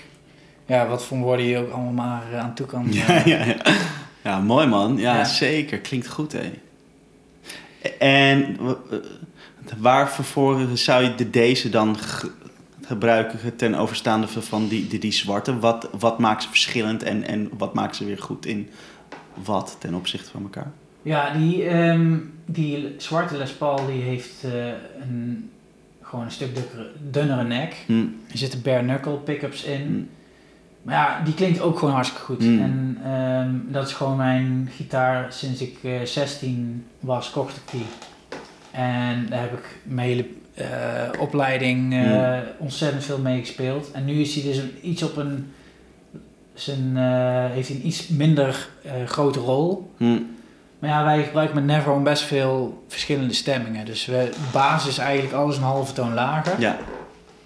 En ehm, een aantal nummers hebben we gewoon in normale stemming. En dan bijvoorbeeld op D. En Hm. daar speel ik dan met die zwarte Les Paul.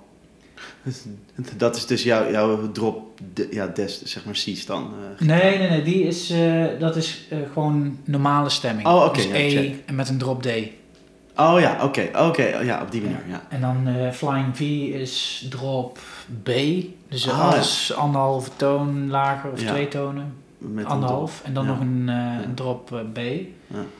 En dan wissel ik eigenlijk de 59 af met de ES 345. Die staan allebei een half toon lager.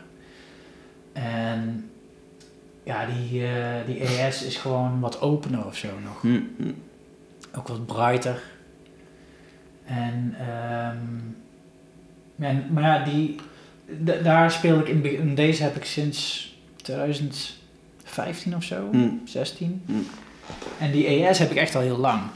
Die eh, sinds 2010, zoiets. Voordat we onze eerste plaat al uitbrachten. Hm.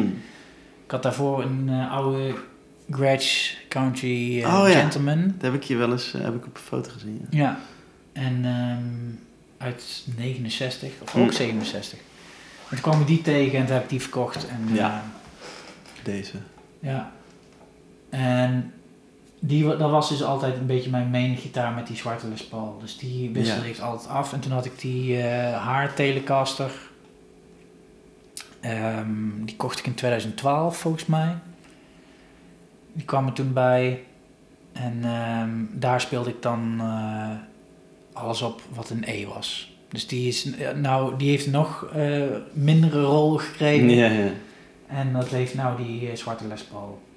Dus ja, die, die eh, gebruik ik nog regelmatig. En ja, het is gewoon ook een te gekke Les Paul. En ik merk ook wel, humbuckers is wel zeg maar mijn ding. Hm, hm, hm. Of met, in ieder geval met Neverhome. Ja. Ja. Ja. Vet. Kun je die, die zwartes pakken? Ja. Die even kunnen horen. En er zit natuurlijk een eh, Bixby op. Ja, vet. Maar ja, dat is ook weer, is gewoon puur voor sferisch. Een beetje, ik kan er niet mee duiken of zo. Mm. Dan is het hele ding weer ontstemd. Ja. Er staat nu nog een S. Maar... Hm.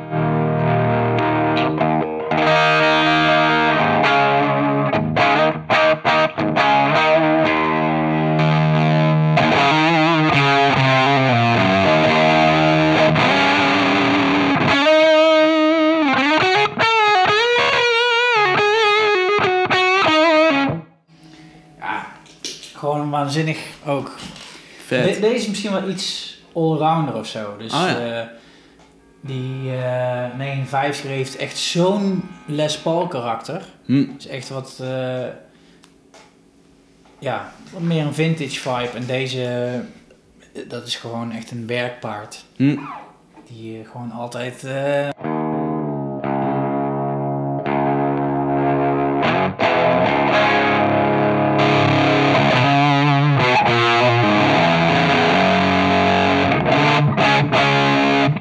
zelf altijd wel heel gaaf vind en wat ik altijd zoek in een gitaar, is dat die eh, mooi open klinkt, maar vooral ook echt in balans. Mhm. Dus dat hij alles gewoon goed hoort en eh, mooi tight is. Mhm. En eh, dat heeft deze ook wel echt. Hm. En het heeft wel net even een iets ander frequentieding, waardoor dat hij lekker door de mix heen prikt Oh of ja. zo. Juist. Ja, die 59 is misschien iets sompiger of zo. Oké. Ja, precies. Ja, wat, wat warmer, wat je ook zei. Ja. Die, ja. Zoeter. Zo- zoeter, dat zijn. Ja, ja, die, eh, en die ES is dan eh, wat, wat heeft wel ja, toch wat opener of zo. Waar, hoe, hoe ben je deze tegengekomen? Waar heb je hem vandaan, zeg maar? Ja, een marktplaats. Ja. En ehm, een winkel in Hilversum. Eh, hoe heette dat ook alweer? Een klein winkeltje hoor. Niet. eh, ah, hoe heet het nou?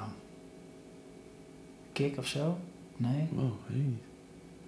Klein winkeltje, maar die verkocht hem voor iemand in consignatie. Oh ja. Maar die had dus eh, alle oude parts, zeg maar, vervangen door nieuwe. Dus Wow. nieuwe, nieuwe humbuckerkapjes, nieuwe brug. Bixby is niet origineel. Mm. Die heb ik er zelf opgezet, Oké. gerelict. Mm. Maar er zit zo'n ehm, staartstukje Oh ja. op. Ja. En eh, die had hij vervangen.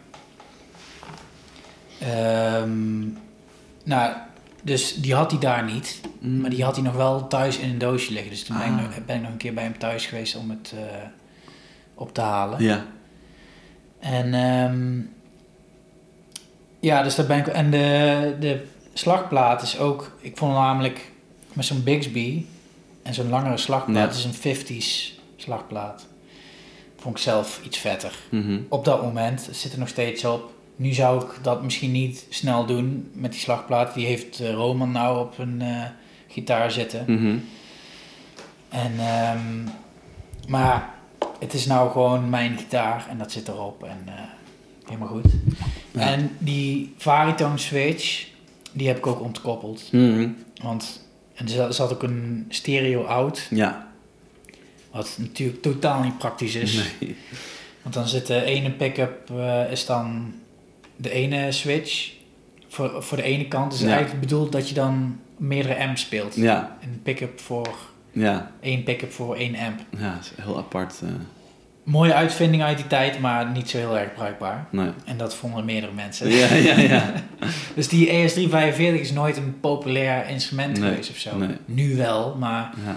toen de tijd en toen ik hem kocht, was qua prijs ook eh, alles behalve eh, of een totaal andere prijs dan dat je nu voorbij ziet Ja, ja. Maar die, eh, en met die Varitone switch ook, van ja, ehm, ik hou van dikke sounds en je gaat alleen maar dunner. Ja, Dus er was, en bij Heb stand, stand 1 is, is ook al, zit ook al een condensatortje tussen. Ah, oké, de- dus, de- dus is een, ehm, ehm, je kunt hem helemaal niet zonder condensator Volgens spelen. mij niet. Ah, Oké, En, ja. dus ik had dat ding ook, en er zat een choke in. En, en, dus ik had het allemaal ontkoppeld. Ja. Dus nou is het qua technisch gezien in eh 335. 30, ja. ja. Ja, mooi. Dat is dat oude hout.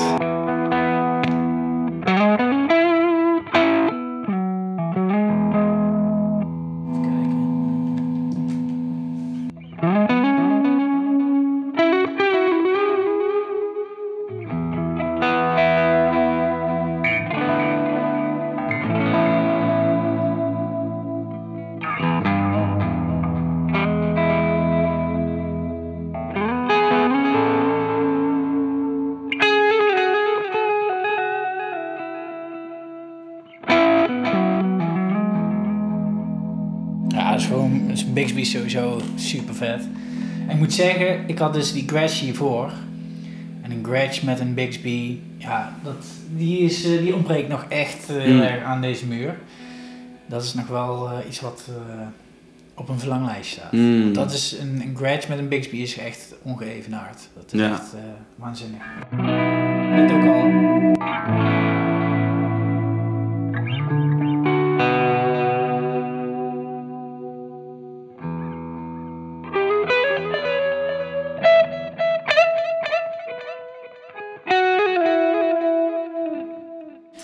Ja, Mooi, klinkt heel mooi. ja. ja. Ja, het is. eh, ja, hier kan ik ook een heel technisch verhaal over ophangen, maar. ehm, dit is een 67 en dat was. Vanaf 66 tot 69 zijn er langzaamaan allerlei veranderingen ingevoerd. En eh, deze heeft een iets smallere nek, Mhm. en, maar wel massief mahonie. Later Mhm. werd dat allemaal meerdere delen en heeft Mhm. geen volute. Kijk, hier zie je ook dat die brug iets hoger staat. Ja. Want dat is, ik heb wel eens een, een eh, 50s ES in mijn handen gehad. Mhm. En dan die brug staat zo laag. Mhm. Ja, dat is gewoon... En dat speelt waanzinnig. En, Mm. maar deze ook. Dit is gewoon, heeft gewoon een bepaalde vibe. En ja, en ik ben er wel altijd gewoon... eh, ik heb wel altijd zoiets gehad van... We gaan hem wel gewoon vet gebruiken. Ja, en ja, eh, ja, gewoon knallen. En Ja. Hij heeft een paar, een paar battle scars. Mhm. Maar ja, die krakelé erin is gewoon wat een is mooi. vintage gitaar moet Ja. zijn. En Dat is mooi. Mooi apparaat, man. die, dit is echt zo'n blijvertje. Zo, Bijna snap allemaal, ik wel. maar- Ja. Ja. Ja, maar, maar, maar dit, dit is natuurlijk ook mooi. mo- mo- het, is, natuurlijk altijd mooi, zo'n oud instrument. Ja, ja Dat is altijd... eh, zeker. Ja. En eh, oude pick-ups. En, ehm, want, kijken, ehm, Martijn van 8, Mhm. daar heb ik, daar heb ik les van gehad. Die Mhm. heeft ook een ES 335. Ook uit die tijd. Met zo'n eh zo- zelf als deze. Ja. Dus dat was ook een, een heel echt een super mooi ding. Maar hij had niet meer de originele pick-ups erin. En Mm. wat je ook heel vaak ziet, vanaf 65 zijn ze dus die staartstuk gaan toevoegen. Ja. En ehm, wordt de, werd de stoptailpiece niet meer gebruikt. Ja. En dat, eh, Martijn heeft dat eh, wel op zitten, of die, volgens mij is dat ook later toegevoegd. Oh ja. Dat zie je heel vaak bij die gitaar en dat snap ik ook wel. Maar je kan dan of een big speed erop zetten. Dus eh, dat was mijn keus. Ja, vet. Want, want er zitten hier zo die, die, die T-tops eh, in, elementen. Ehm, weet ik eigenlijk niet precies. Hm. Wat voor... eh, wel, ja, de stickertjes zitten er nog op. Mm, maar misschien wel de patent numbers dan. Ja, maar er zitten ook weer allemaal verschillende Ja, klopt, jaren in en zo. Ja, toch? ik ben er niet heel erg in thuis, moet ik zeggen. Maar... Volgens mij heb je... Nee, daar weet, ik- Nee, de details ook niet van. Nee. Maar dit zijn wel originele pick-ups met zo'n stickertje. Ja, te gek. En ja, wat hij heeft ook een refret gehad voordat ik, eh, dat ik hem kocht. Oh ja, Maar goed, daardoor is het ook gewoon... te bespeelbaar. Ja, ja, Ja, zeker. En dan, dan kan je hem ook gewoon wel voor live gebruiken. Ja. dat je dan zo'n oud instrument hebt van... Nou, Ja, ik durf hem niet meer mee te Nee. nemen. Zo waardevol of zo. ja. Ja. vet. Vet. En ehm, kunnen we... Ja, die, die, die- de Junior. daar ben ik wel Ja. benieuwd naar. Die vind ik wel heel cool. ja, dat is mijn laatste aanwinst van dit jaar. Het is zo En, eh, gaaf, zo'n double cut. eh. Ja joh, ik vind die zo vet eruit zien. Die, eh, net zoals een Gretsch, maar die stond ook echt al Oh ja. heel lang Ja, op mijn verlanglijstje. Sterker nog, ehm, hij hing toen bij Saxioni heel lang in de winkel. Oh ja? Roman en ik zijn allebei super fan van juniors. En Roman was meteen al, ik moet zo'n ding hebben. en dat is bij Roman eigenlijk wel ook een beetje deel van zijn sound geworden. Dus hij speelde met P, P90's en ik met humbuckers. Mhm. Oh, ja. En, ehm, en ik had de hele tijd, en, en, en volgens mij had Harry dit nog als een van de laatste gitaren nog besteld toen dat nog kon. Mhm. En die hing behoorlijke tijd in de winkel. En dacht, ah, zal ik het doen of niet? Mhm. En, en voor best wel een goede prijs. Mhm. En natuurlijk werkte ik daar, dus dat was sowieso wat minder een probleem geweest. Mhm. Maar op een dag verkocht. Oh. Hè?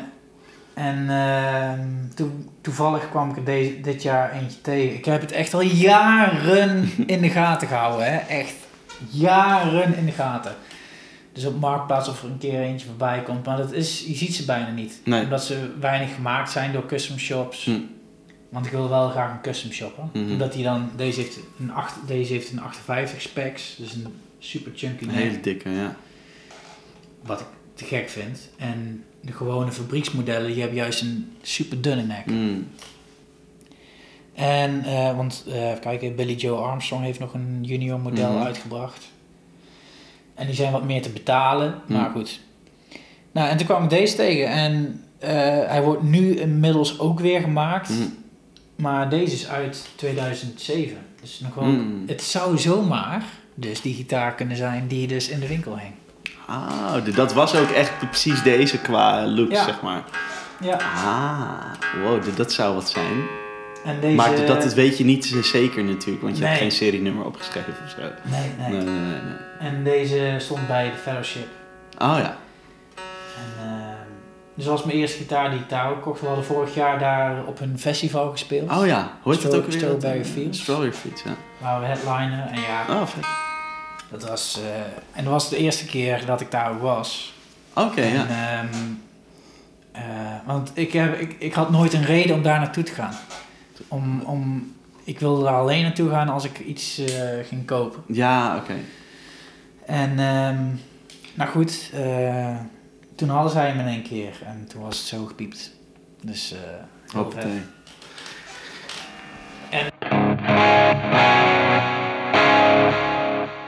Dit is dan echt weer, zo'n P90 is weer zo totaal anders. Ja, ja. Maar ja, waar die juniors gewoon onbekend staan, is gewoon ook die resonantie, Hmm. akoestisch.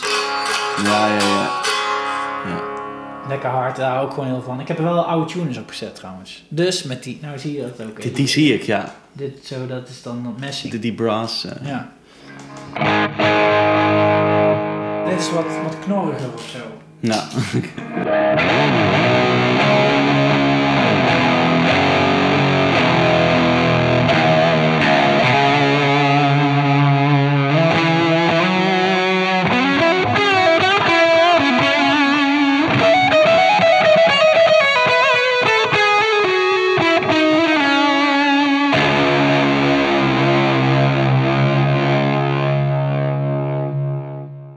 door de double cutaway is super makkelijk te bespelen. Is echt.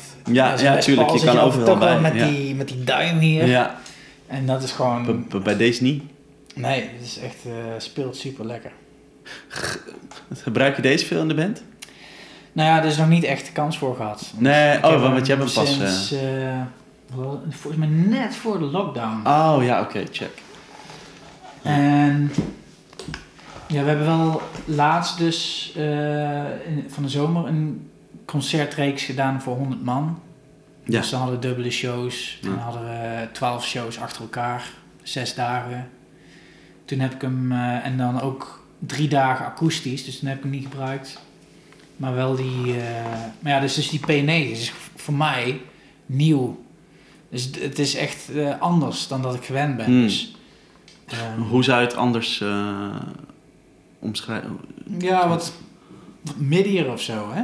Ja, aan de ene... Midier. Ja, het is wat, eh, Het- ja, wolliger. Vind je niet dat er meer hoog in zit, juist? Nee. Oh, oké. Nou ja, dat is... Nee, dat vind ik, ja, dat inderdaad een goeie. Maar dat zou je zeggen van de single coil, meer Ja. laag, meer hoog.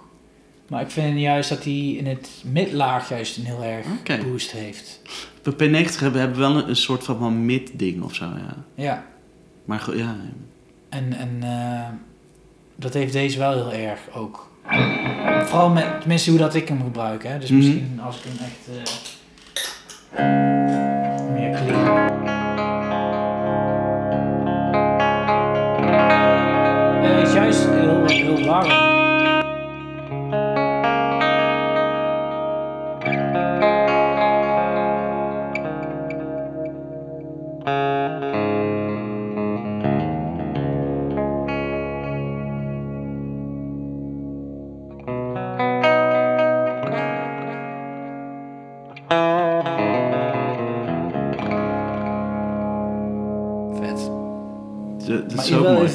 Hele warme sound heeft hij. Ja, ja, zeker. Ja, klopt wel, ja. Niet zo, niet zoals een Telecaster of zo met een single coil wat gewoon wel echt veel meer die brightness heeft. Want dat vind ik juist bij zo'n P90 wel heel erg meevallen. Mm, mm, mm. Tenminste, Ja, nee, klopt. Ja, zeker, ja. Nee, dat is... Ja. En dat, dat was nog even een beetje zoeken. Van hoe ga ik Dat dat... snap ik wel, eh, ja. Het is natuurlijk wel echt Want meestal hè, de- geef ik mezelf een excuus om mijn gitaar te halen omdat ik een andere stemming gebruik. Ja, ja, ja. Dus eh, onze gitaar Tech die heeft echt een behoorlijke klus, want Roman heeft ook behoorlijk wat gitaren. We hebben een beetje dezelfde collectie, alleen dan net even iets anders. Mm, Dus hij heeft een Sunburst Single Cut Junior, mm. daar speelt hij het meest mee. Hij heeft een Custom Shop Les Paul Custom, Oh ja, zo'n, eh, 69, ja. Ja, vet. Met een Bixby. Hij heeft een Goldtop Ja. standard, zeg maar. Dus uit, Ja. uit dezelfde, ook zijn standaard versie. Met P90, dus ook een P90 en eh, een ES met P90 erin. Oké. Een Trini Lopez model. He- met Heeft hij zo'n, zo'n eh, lopen? Ja, met Bixby erop. Vet. En AJ Gibson Custom of eh, AJ Advanced Jumbo. Advanced Jumbo, ja, precies, ja. Dus we hebben een beetje dezelfde ah ja, een dingetjes beetje ja. Vet. En dan onze eh, gitaartech, ja, die heeft wel eh, wat te doen tijdens de show. Met, ook met verschillende stemmingen en zo. En, eh, Ja, ja. Daar zijn we ook liefhebber voor, hè. Dus, ja, eh, ja zeker. Dat, eh, ja. Kun- je die Red eh, Special eens laten horen? ja, Want dat is natuurlijk wel echt een heel apart eh, ja. ding. Ehm, zeker.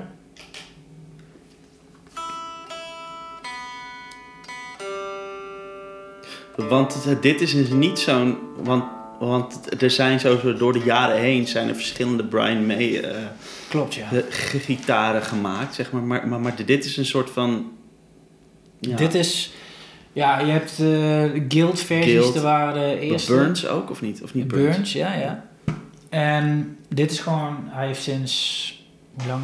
10, 15 jaar zijn eigen merk. Ja, ja, de, ja precies. Het, dat En- heet gewoon Brian May Guitars of Ja, iets. ja. En dan heb je ook zo'n eh basversie Mm. of een ukulele. Ja, precies, eh, ja.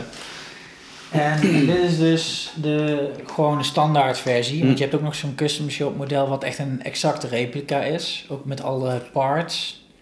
En dit is gewoon wel de sound en de Red Special ding. Alleen dan met wat goedkopere afwerking Ja. en gemaakt in Korea of zo. Mm, mm. Ergens in Azië in ieder geval. Ja, ja. Maar gewoon met polyurethaanlak. Ja. En, eh, Maar, wel... Wat zei je? Sorry, wat voor brug? Zo'n Wilkinson. Wilkinson, ja. Ja, maar ja gewoon dus een die- standaard tremolo, zeg maar. Ja, En de wel die elementen... Ja, precies.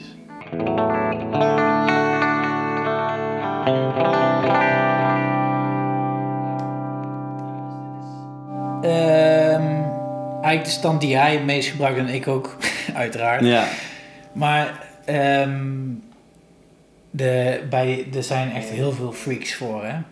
Die Red Specials. dat zal wel. Eh, ja. Je hebt allemaal groepen en eh, Ja. Facebookgroepen. En nou, dit is de stand dat je de brug pick-up en de midden pick-up samen gebruikt. Dan heb je een soort humbucker sound. Oké.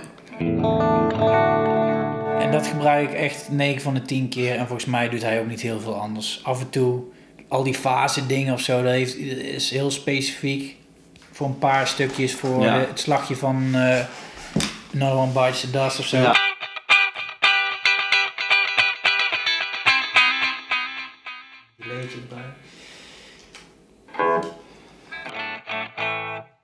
En, maar alleen die brug pick-up. Ja. Radio Gaga of zo is ook altijd wat brighter. Ja. En, eh, maar dit is echt 9 van de 10 keer dat ik dit gewoon lekker aan heb staan. En, eh, Welke, ge- welke gestante heeft hij dan met die solo van eh, Bohemian Rhapsody? ja, dat, is wel, zo'n dat is wel met een fase ding. En dan heeft volgens mij, ja, ik eh, gebruik dat dus niet altijd. Nee, nee, nee. nee. Maar volgens mij is dat dan de nek en een midden pick-up Ja, uit fase. Dus dan, dan krijg je die hele... Ja. Nou, doe het even met een first.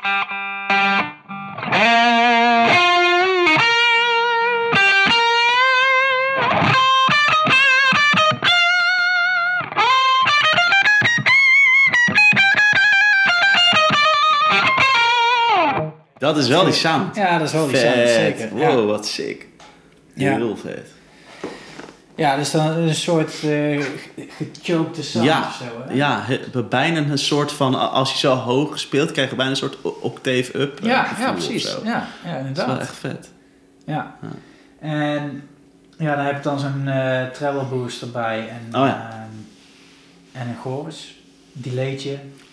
Oh, dat is het enige wat je dan ge- gebruikt. Nou ja, ehm, bij een standaard set, maar hij heeft ook best wel wat eh, extra vezetje af en toe, heel af en toe. Oh ja, ja. Maar ik heb nou die eh, Echo's van Keeley. Hm?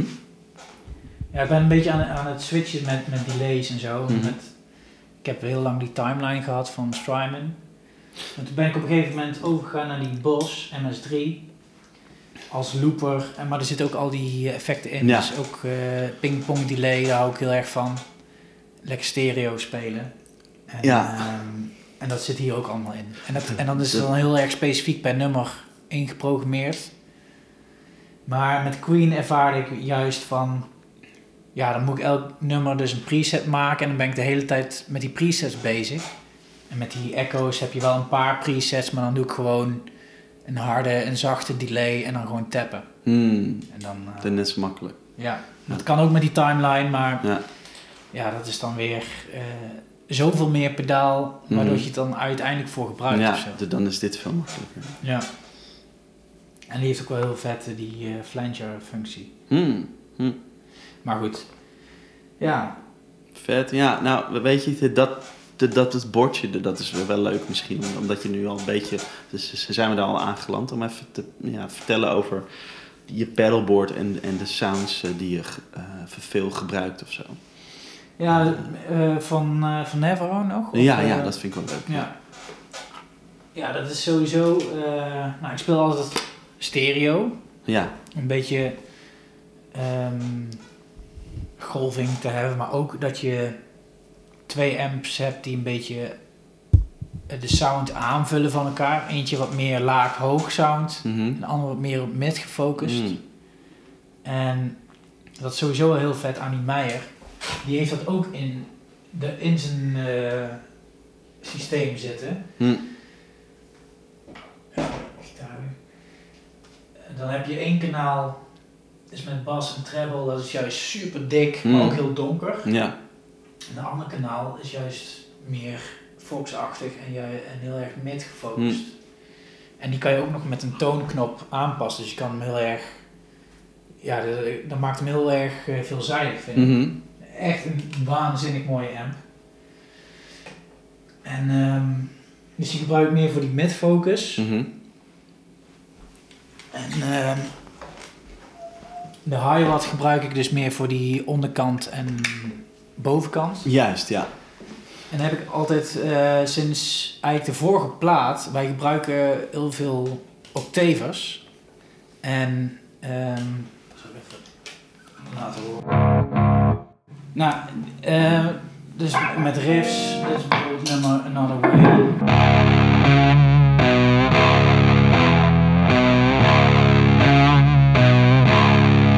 Meer van die single note riffs, en die hebben er heel veel. Mhm. Ik gebruikte altijd een octaver en eerst gebruikte ik dus de Hawk gewoon in mijn gewone signaal. Mhm. En had ik altijd toch wel, ja, je leeft ook een beetje in qua toon, als in, in, in helderheid, als je Mhm. echt een, een sub-octaaf eronder hebt. Mhm. En toen dacht ik in de studio bij opnames van Salvo, onze laatste plaat, om dat eh, los te koppelen van elkaar. Dus daar een aparte amp voor te hebben. Dus daar heb ik dus een Marshall voor. Maar dan juist wel een sub-octaaf, maar dan eh laag eruit. Mhm. Dat die super strak en Ja. tight is. Dat Ja. je niet, ook niet de bas in, Bas, in, de- ja, in de dat- weg zit. Dus dat is echt zo'n tussenlaagje wat erin zit. Mm. Je hoort hem niet per se, maar wel als je hem uitzet zeg Ja. maar, of aanzet Ja, precies. als je hem in de band zo, hè, kan je hem niet zo per se plaatsen, Nee. maar het geeft live echt zo'n super dikke sound. En Ja. nu, dit is gewoon een bas Ja. sound, omdat die amp nou clean is. Mhm. Maar bij die Marshall, die staat dus echt te brullen. En dan, oh ja, die heb je eh, echt hard staan. Ja, daar zit de master op. Oh ja, oké. Maar dan, eh, De preamp is gewoon... ja, maar gewoon als eh, distortion haal ik daar gewoon uit. Ja. Met een octaver. Dus daar, dat is mijn derde amp inmiddels. Hmm. Dus ik eh, ik speel dan op drie amps. Wat wel echt, ja, een machtig gevoel geeft ook. Ja, dat zal wel, man. Dat Ja. het zo... Zo... Ja. eh, En het is, eh, kijk, dit is in principe de clean sound waar ik altijd op speel qua... Oh nee, hier zit een, een loadbox tussen. oh ja. Maar we spelen inmiddels ook op oortjes. Ja. Dus het is wel qua volume naar beneden gegaan de laatste jaren. Om het wat eh, behapbaarder te maken voor de tech. Ja. Maar dat is een beetje mijn amp setup. Ja. En eh, qua pedalen, dus die amps die staan altijd clean. En dan heb ik ehm, een basisamp die dan een beetje die crunch sound geeft. Mhm. En dat is eh, die net even dat, dat randje geeft. Dit is helemaal clean.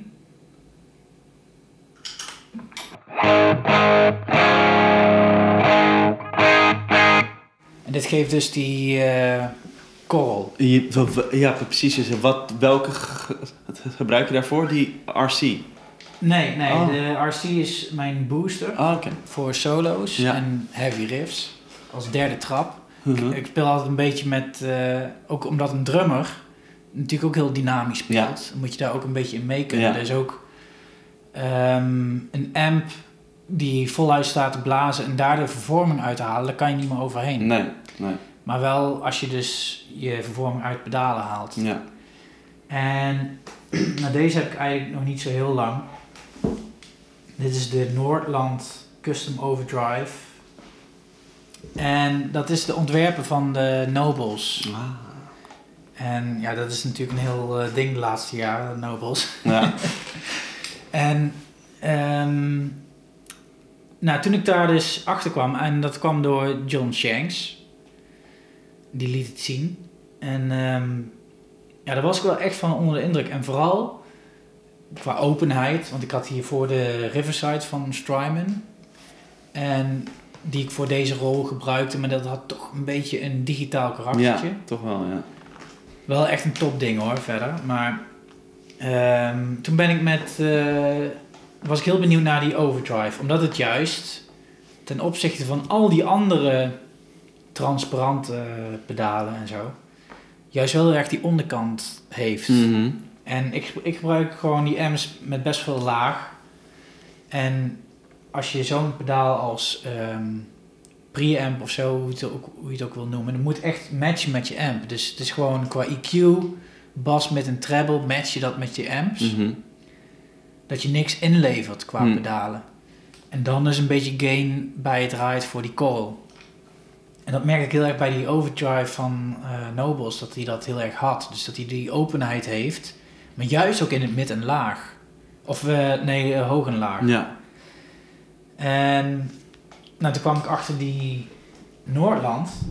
En die heeft dus, eh, dat is dus de originele designer daarvan. Die is weer eh, met de hype meegegaan en is er weer mee aan de slag gegaan.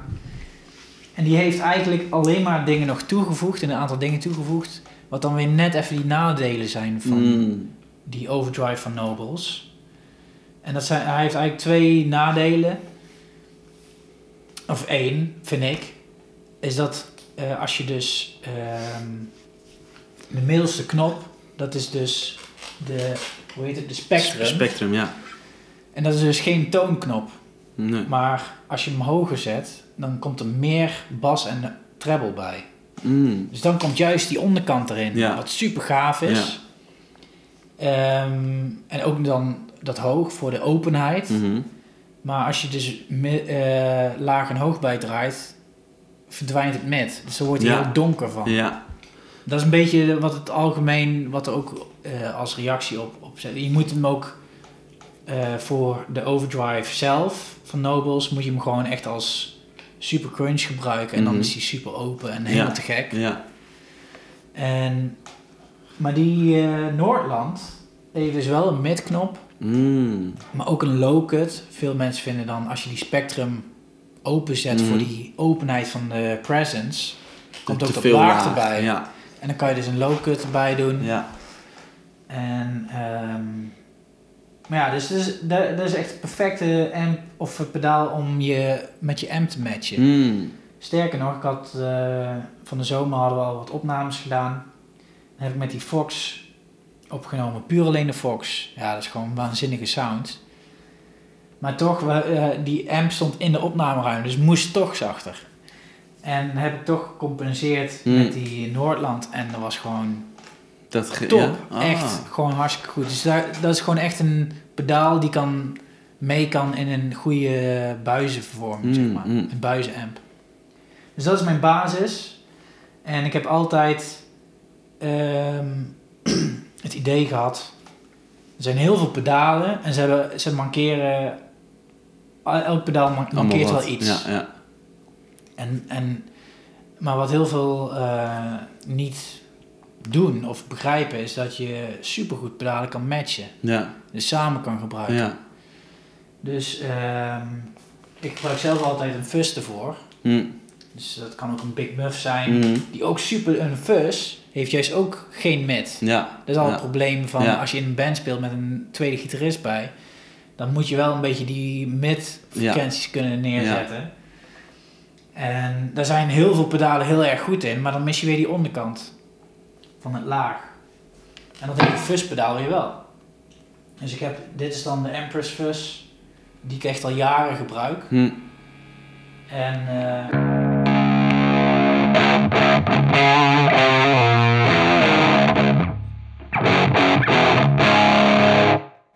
dus die heb je dan eigenlijk, dat is een soort, een soort van je, je standaard sound. Die Ja. samen met die Noord, Noordland. ja, Nee, wat was ja, het? ja, Noordland. ja. Noordland, ja. Hier, ik zal sowieso even laten horen. want Volgens mij staat die nou behoorlijk op die middenkanaal in die amp. Dan kan je ook horen wat dat doet. Dus dit is, eh, dit is de ehm, dikke kanaal van die Mhm. Meijer.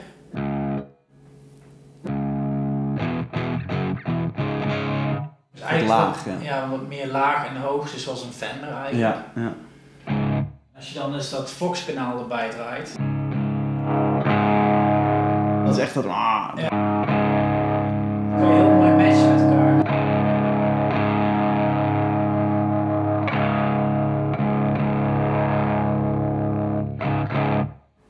Zet ietsje zachter.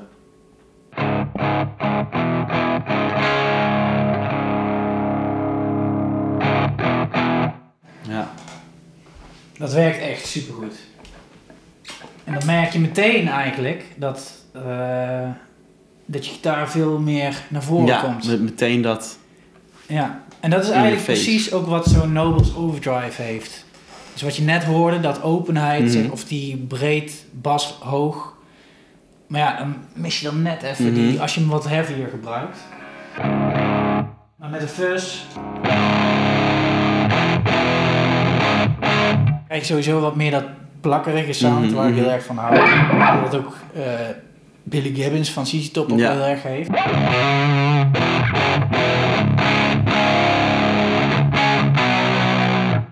En, maar als je die fuzz alleen hoort, dan is het weer... Veel meer als een Big Muff, hè? Ja, Dat is met die... Ik heb die... eh het is softdeck. eh. dus zo'n softdeck, die groene Big Muff.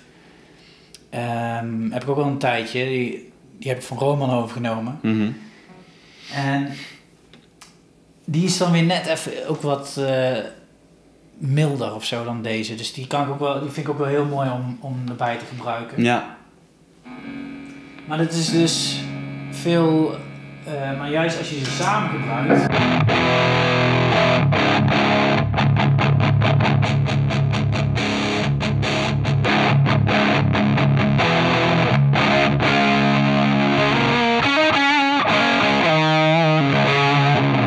juist ja. E- En dan heb je eerst die fuzz en, en dan die Noordland, denk ik. Ja, Ja, ja dus de Noordland is eh, eigenlijk de laatste in de chain. En alles daarvoor. Dus dan kan je eigenlijk heel veel fuzzen en distortions. En, dus, ehm, kijk, dit is eigenlijk een soort bordje in between. En eh, als de plaat klaar is, dan weet ik precies wat ik wel en niet kan gaan Ja. gebruiken. En dan ga ik bijvoorbeeld die Big Muff erop zetten. ja. En, want die Nobles eh, ga ik er weer bij zetten voor wat meer distortion-achtige, gewoon wat meer overdrive-achtige Mhm. sounds. Dus dat als ik net even iets meer nodig heb dan dit, ja. alleen in Noordland, wat echt gewoon mijn clean sound is eigenlijk. Oh ja, oké. Ik speel veel met eh, volumepedaal, dat ik dan, Ja. want als je terugdraait, dus ook met die fuzz, als ik volume terugdraai, dan is het ook weer.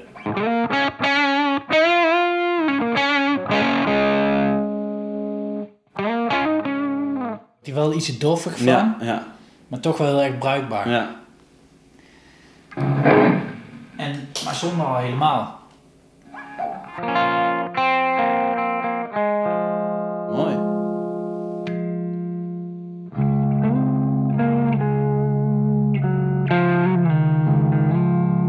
Dan met een delaytje of een reverbje erbij.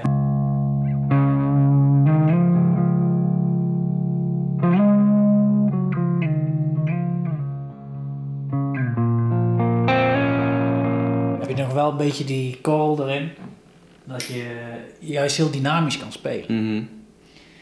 En inmiddels is, eh, heb ik ook nog van JHS, volgens mij ja. is dat de Crayon. K- Crayon, ja. En die gebruik ik. Ik was heel lang op zoek naar een sound eh, die echt je keel dicht knijpt, zeg maar. Oké. Dat is, heeft heel erg met. ja, dus bij mij moet alles zo kapot mogelijk klink- kunnen klinken. En, eh, en smeren en kapot, daar hou ik van. en ehm, dat is sowieso een grappig verhaal. Wij hebben de eerste twee platen laten mixen door Vance Powell. En dat is een best wel een grote dude in Nashville. En de tweede plaat zijn we daar naartoe gegaan. En eh, waanzinnige ervaring. Superleuk om echt in die, eh, die scene in Nashville te zijn. Ja. Want eh, ja, zij kennen echt iedereen. En ehm we hebben ook best een hoop leuke gasten ontmoet. En eh, super toffe plekken in Nashville geweest. Waar je dan niet terechtkomt als je daar eh, niet van af weet natuurlijk. Maar zijn assistent, die had zo'n, moet ik het goed zeggen, ja, Echo LED tape delay. Ja, is in Amerika daar. eh, ja, dan heb je er wel een eentje, maar dan betaal je echt 1000 dollar voor Mhm. of zo. Of zijn ze gewoon niet te vinden. Dus ik had zo'n. ehm dan zei ik van ja, hallo, eh, ze komen uit Duitsland, dus daar Ja. eh, zijn ze echt voor een appel en een ei. Ja. Dat was dus 2014. Ja. Toen al helemaal. De, ik zei van, er zit een matching M bij. De M40. Dus ja, ik kan wel voor je kijken. Dus ik had zo'n eentje op de kop getikt voor 200 euro of zo. Mm. Goed werkend. En naar hem opgestuurd. Maar toen had ik er zelf op gespeeld. En eh, dacht, was ik echt super onder de indruk van die sound. Want die heeft dus, als je alles op 10 zet, Oh. dan gaat hij echt eh, choken, zeg maar. Ja. Maar ja, die had ik dus weer opgestuurd. En heb, eh, ben ik er daarna zelf een beetje op zoek gegaan, maar een beetje op een laag pitje. Toen gingen we de studio in voor Salvo. Toen was ik dus weer op zoek naar die sound. Dus ik had een vriend van mij ehm, gevraagd, die ook veel van dat soort dingen heeft. En altijd op zoek is eh, naar dat soort dingen. Heb jij er nog eentje liggen? Nee, had hij niet. Dus ik moest naar iets anders op zoek. En toen kwam ik bij die eh, JRS uit. Het start gewoon met eh, de fuzz.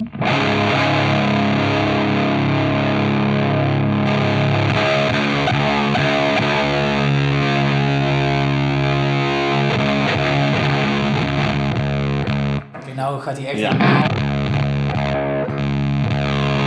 Daar ergens een beetje tussenin zitten.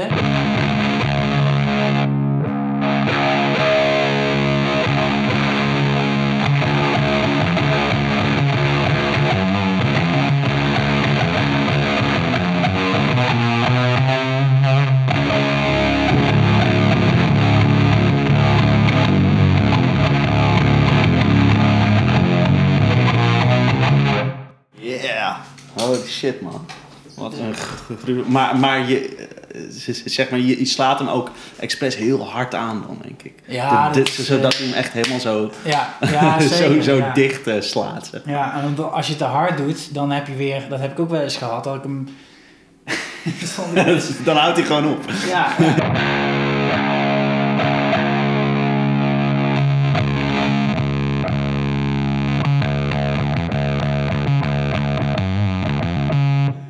Dat is de-.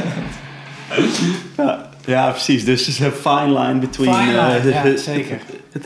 vet en, eh, en scheet. Ja, maar nog om terug te komen, nog wel heel leuk.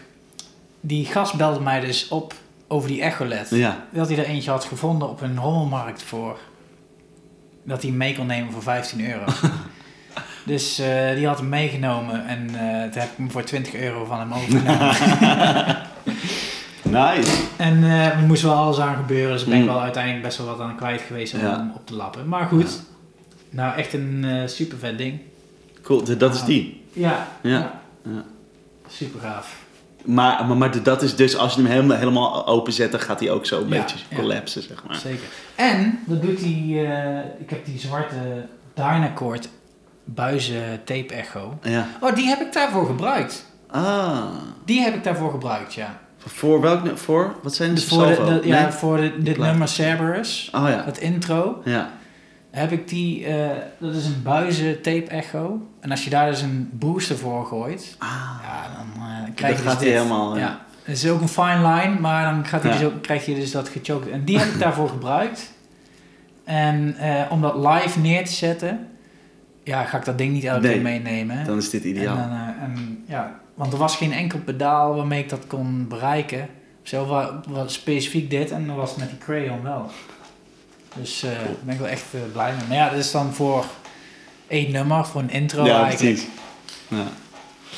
En Dus dat is eigenlijk wat ik eh, met Neverone doe. En dan heb ik nu inmiddels, eh, want er zijn zoveel van die switch systemen. Mhm. Ja, maar, maar, maar, maar, maar, deze is wel handig omdat er effecten in zitten dus. Ja, ja. Dat is wel te gek. Wat voor effecten gebruik je die erin zitten?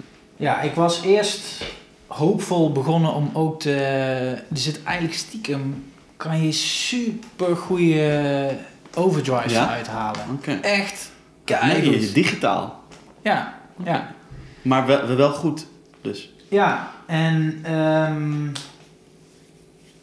ja, daar ben ik echt behoorlijk diep in gegaan om dat in mijn sound te creëren. Mhm. Ehm, daar heb ik dus de vorige tour mee gespeeld, vorig jaar, najaarstour. Eh, en dan gebruik ik dus die als waar ik nu dus Noord Noordland voor gebruik. Juist, ja. Dat haal ik dus uit de... Beetje dat IQ en... eh, Ja, Dat, dat haal ik hieruit. Maar, want er zitten ook allemaal EQ-dingen in, dus je Hm. kan echt super diep ingaan. Mm, mm. Maar ik merkte ook van ja, dan. Kijk, met een pedaal kan je gewoon heel makkelijk even een beetje bijtunen. Ja. En je weet gewoon wat je aan hebt. En that's it. En dat werkt gewoon super goed. En daar moet je toch iets te diep voor induiken. Maar het is echt super goed. Nice. Maar wat ik er eh, nu mee... Ja, je kan er dus je eigen loops in doen. Dus dat is met mijn distortions, met de hawk. Hm. En ehm, nog een boost kanaal, daar gebruik ik dus de RC voor. Ja. En die, eh, maar ik haal de reverbs en de delays, noise suppressor. eh, want er komt nog best wel veel eh, ruis bij kijken Ja. af en toe. Ja, precies, ja. Oh, je, dat heb je... Dus je Oh ja, ik hoor hem nou. Dus als ik nou heel, heel zacht ga spelen. Je hoort hem dan gaan, ja. Ja. Maar dus die delays, omdat ik heel specifiek per nummer dan gewoon een, de, vooral de delay in tempo wil hebben, stereo, ehm, heb ik dus elk nummer heeft nou een bank. Ja. Dan kan ik heel makkelijk gewoon per stuk eh, switchen. Hm, hm. Super fijn ding. Te gek. En eh, Roman en Bram die hebben de, de gewone switch systeem. Van, eh, dus dat Van- Bos ook. Ja, de G, G8 of zo? Hm. GT8? Hm. Nee, ik weet niet hoe dat heet. Ja, gewoon. Hm. En, ehm, maar ik wil een beetje downsize, want ik kwam, kom hier vandaan. En, Ja, dit is voor... Ja, dit is... eh, Dus ja, nou, op zich werkt het super hoor. Maar ik wil gewoon wat, eh, wat eh, efficiënter. Dit moet je altijd met z'n tweeën sjouwen. En dat kan wel met een crew en Ja. eh, hele lieve bandleden. En, eh, die dat allemaal met heel veel plezier hebben gedaan. maar ik wilde gewoon ook iets handzamers. En dat Mm. kan ook. En eh, waar, wat ik ook allemaal gebruik. Dus ik wil echt gewoon een bordje hebben voor Neverone. voor Queen. En, Mm. en dit is gewoon voor lekker thuis, een beetje rommelen. Een beetje freaken. Ja. Cool man. Zijn er hier- zijn er nog dingen die, die leuk zijn om Ehm. te bespreken of zo? Ja, wat... ehm, Nou, ze, ze- ze- ja, de, deze. De, dat, is een, eh, dat is een toonbender. Is dat een oude? ja, ja. Hmm, dat is wel mooi natuurlijk. Hij is op zich vet, maar heel specifiek. Ja, inderdaad. Het is wel Hij, een... hij eh, leeft echt ook een hele hoop in namelijk.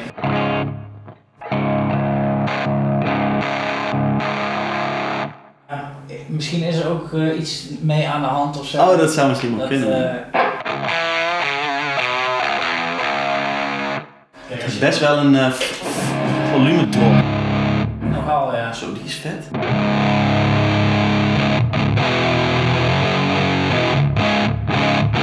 Kijk, dit is dus samen met die Noordland, hè? Ja, oké. Als Dat die is misschien een beetje een vertekend beeld. Ja. Dit is dan echt een herkenbaar Ja. Big Muff sound. Ja. Dit is dan eigenlijk de Kees Leo.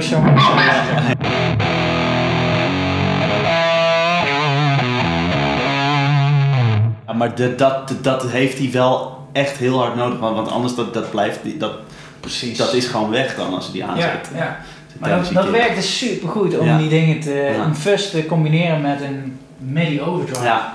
Je kan het ook natuurlijk met, eh, met een, eh, een, bijvoorbeeld een, gewoon een andere overdrive Mhm. doen, hè. Even kijken.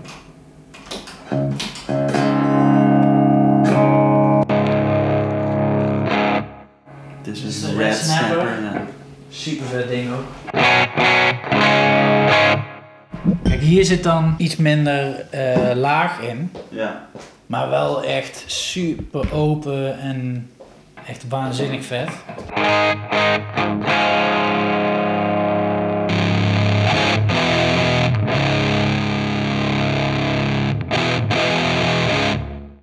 Veel oh, ja.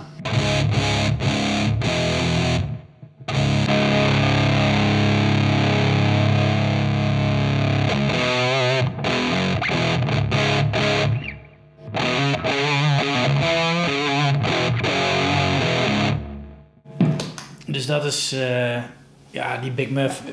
Ja, zo moet je een Big Muff gebruiken. Ja, En dat, ja. eh, Tenminste, Voor een andere drive, ja. En, en, en dat eh, werkt gewoon super. ja. Hier, dit is eh, de, de Geiger counter. Dat is ook een bizar ding. Dat is ook heel erg dat gechokte. Ja,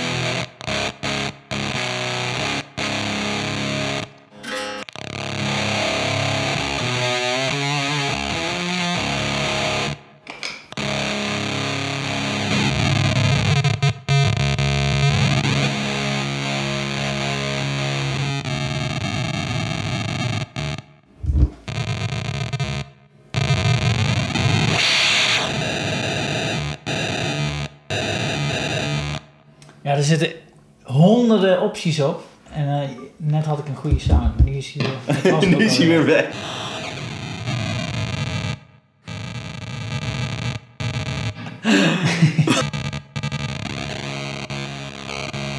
Ja, zoiets.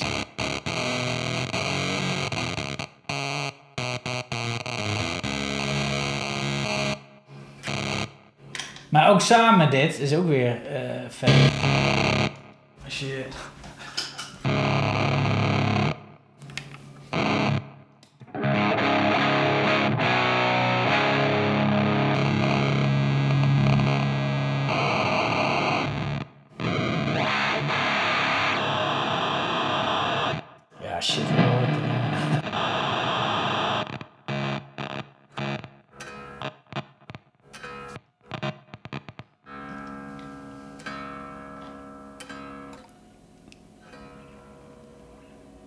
Of je dat wel zei. Nou ja, vet ding. Vet ding. En dit is, eh, dit is ook toch wel heel vet om nog even te benoemen. Oh, dat is dat de Peter Pan en Speedrock. eh, Ja, en dit is eh, mijn grote held, of eh wijlen grote held eh, Chris Cornell. Die gebruikte dus die eh Peter Pan Speedrock Drive-O-Matic van eh, ja, Dr. No. En dit is dan weer een versie speciaal voor hem gemaakt. Dus er zijn, eh, heeft, hij, heeft Dr. No nog een, weet ik veel, 50 of, 50 of 100 van verkocht. Hm. En dit is dus eh, specifiek de Chris Cornell. eh, Mm. En ik ben een groot Chris Cornell fan. En we hebben ook met Nevo nog een Soundgarden tour gedaan. En eh, ja, hallo, dan moet ik dan wel eh, dat ding hebben. Heb je nodig? Maar dit is eigenlijk dus bedoeld om een eh, cranked amp nog even een extra zetje te geven. Dus het heeft op zich zeg maar eh, ook dus niet zo heel veel onderkant. Maar hij heeft wat meer gain ten opzichte van de normale. Of eigenlijk is het gewoon alleen maar gain. zo- Ja, ja.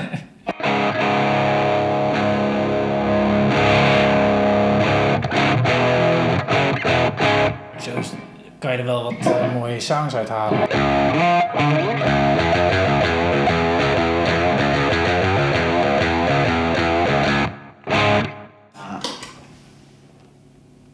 En ik ben ook, ehm, ik dacht van, nou als die eh, O- ODR of die overdrive van Nobel zo vet is, Even wachten hoor. Ja. Oh, zo, ja. die eh, andere pedalen van Nobels, die koop je echt voor een appel en een ei Ja, ja. in Duitsland vooral. En eh, in Nederland niet per se, maar in Duitsland wel echt tientjeswerk. ik zeg van, nou, er zal vast wel een oké pedaal tussen zitten. En misschien leuk die bas overdrive. Mhm. Maar dat is wel echt voor een bas. En de distortion is ook wel echt nul laag, zeg maar. Mhm. Maar die distortion special is nog best wel eh, oké. Dit is alleen die overdrive. Is het een oude of niet? Ja, Ja. het is allemaal uit, eh, uit die tijd. 90s. Dus als je dit zo... Dit is helemaal clean. Dan mis je wel dat midden, ja. Ja, maar het is wel heel warm en open of zo. Ja, Is Ja, dat is zoveel pedalen die dat niet hebben. ja, ja. En juist die onderkant vind ik zo gaaf. Terwijl al die andere pedalen dat vaak niet hebben. Hm.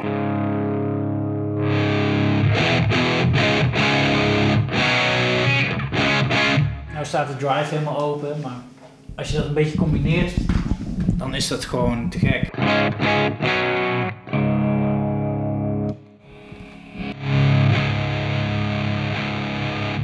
Dit is dan de Distortion Special met een noise gate erin.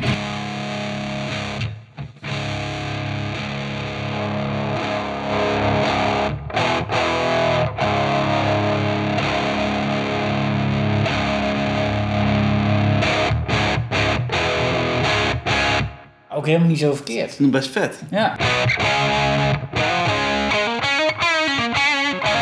Juist ook wat meer voor de Guns N' Roses-achtige sounds.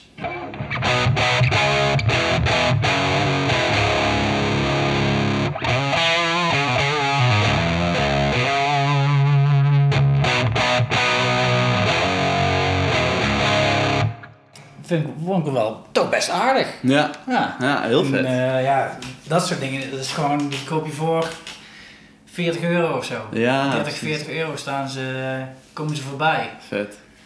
Ja, dat zijn dan wel dingen waarvan ik denk van ja, dat zijn wel eh, leuk om eens te checken Ja. op die manier. Ja, ja, ja. Dus eh, ja. Te vet, man.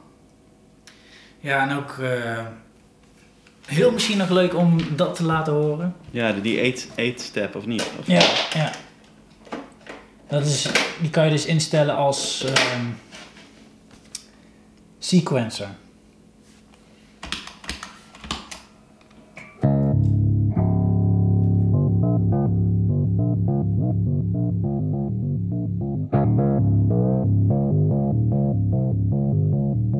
Nou, dat is gewoon als expressiepedalen, dus je kan je op alle pedalen Ah, instellen.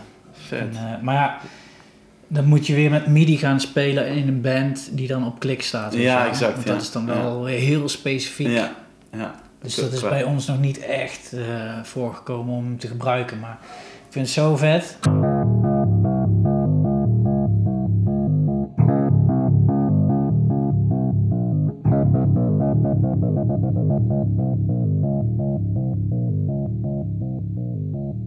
Krijg je veel meer synth-achtige sounds. Als je dan juist ook ehm, pedalen hebt die hem dan freest, dan kan je al helemaal eh, losgaan. Vet.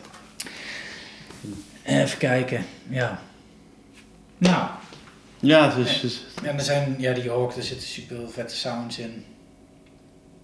wat- wat de, maar, maar, maar die, die, die gebruik je het meest als eh octaver, zeg maar. Als, als la- laag, Ja. zeg maar, laag octaaf. eh. Oké, dit zijn eigenlijk mijn oude presets allemaal. Dus dit is een gewoon normaal.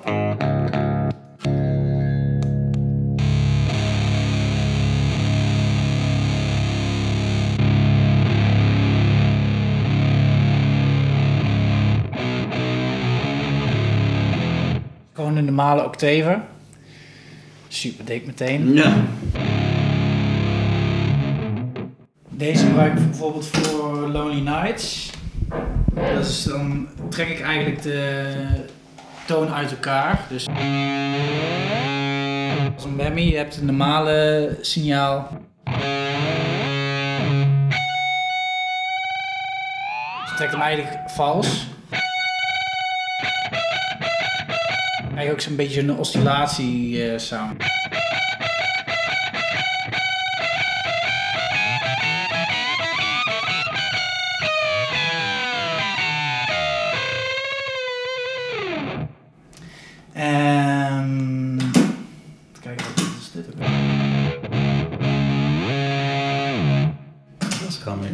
Whammy of zo. Oh ja, eh, ja, inderdaad. Gewoon alleen een whammy, inderdaad. Dus, ehm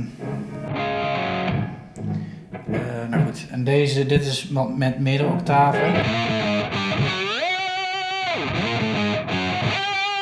Laag en hoog. En dit is dus zo'n filter.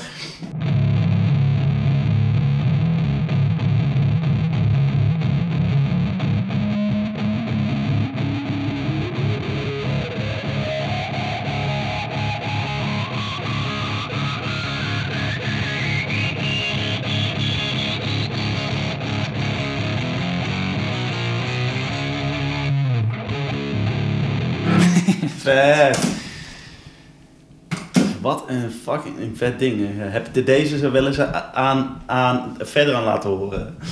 Dit is wat voor hem. Ja, die, eh, nou ja, die heeft, volgens mij heeft hij hem ook wel. Oh, dat zou heeft hem kunnen. gehad. Niet, zij heeft hem vast wel ergens. Ja, ja. Ja, dus eh, dat is een beetje waar wat mijn interesses heeft. Dus gewoon open distor of overdrives. Mhm. En ehm, dikke, vieze fuzzen. En octavers, delays. Kijk, modulatie-effecten gebruik ik niet zo heel veel. Hm.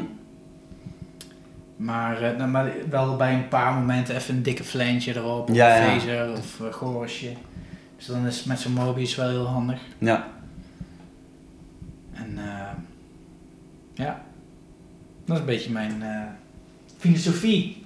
Cool. Ja, vet man. Heel vet. Nou, ehm, ja. Ik denk dat we hem wel een beetje hebben zo, hè? Ja, denk ik ook wel. Ja, ehm even kijken, ja. Nog leuke dingetjes. Ja, genoeg eh, Ja. verzamelobjecten en eh, gitaren en leuke dingen. Maar Ja, zeker. 12 string ben ik ook echt super blij mee. Ah, dat is is ook zo'n ding. Ja. Ook zo'n ding wat je altijd wel graag zou willen hebben, maar ja, je gebruikt hem niet zo heel vaak. Ja. Maar super inspirerend vind ik. Ja. Om met nieuwe ideeën, weet je wel. eh, ehm, je bent toch altijd op zoek naar frisse, Hmm. eh, nieuwe dingetjes. En met zo'n 12-string dan wordt alles weer toch even anders. Ja. Dan klinkt een normale C-akkoord, wat het meest gebruikt wordt wellicht, wordt in één keer heel, toch weer even iets anders. Ja. Het heeft weer een nieuwe vibe dan of zo. ja. Vet man. Dus ik vermaak me wel hier. Dat snap ik. Mooi man. Dank je wel voor, voor je tijd. Ja, graag gedaan. En je enthousiasme. En eh, echt, eh, echt leuk om eh, te, te zien hoe je het allemaal doet. En, eh, Leuk om te delen. Cool. En eh, ja, er is natuurlijk bijna niks leukers om gitaar spelen, maar ook om erover te praten. Ja, man, ja, zeker. Ik, eh, ja, zeker. Ik ben het ermee eens. Yes. Leuk. Thanks. Ja, thanks man. Dankjewel. En succes met eh, de volgende. Ja, dankjewel. Dankjewel. Het komt wel goed.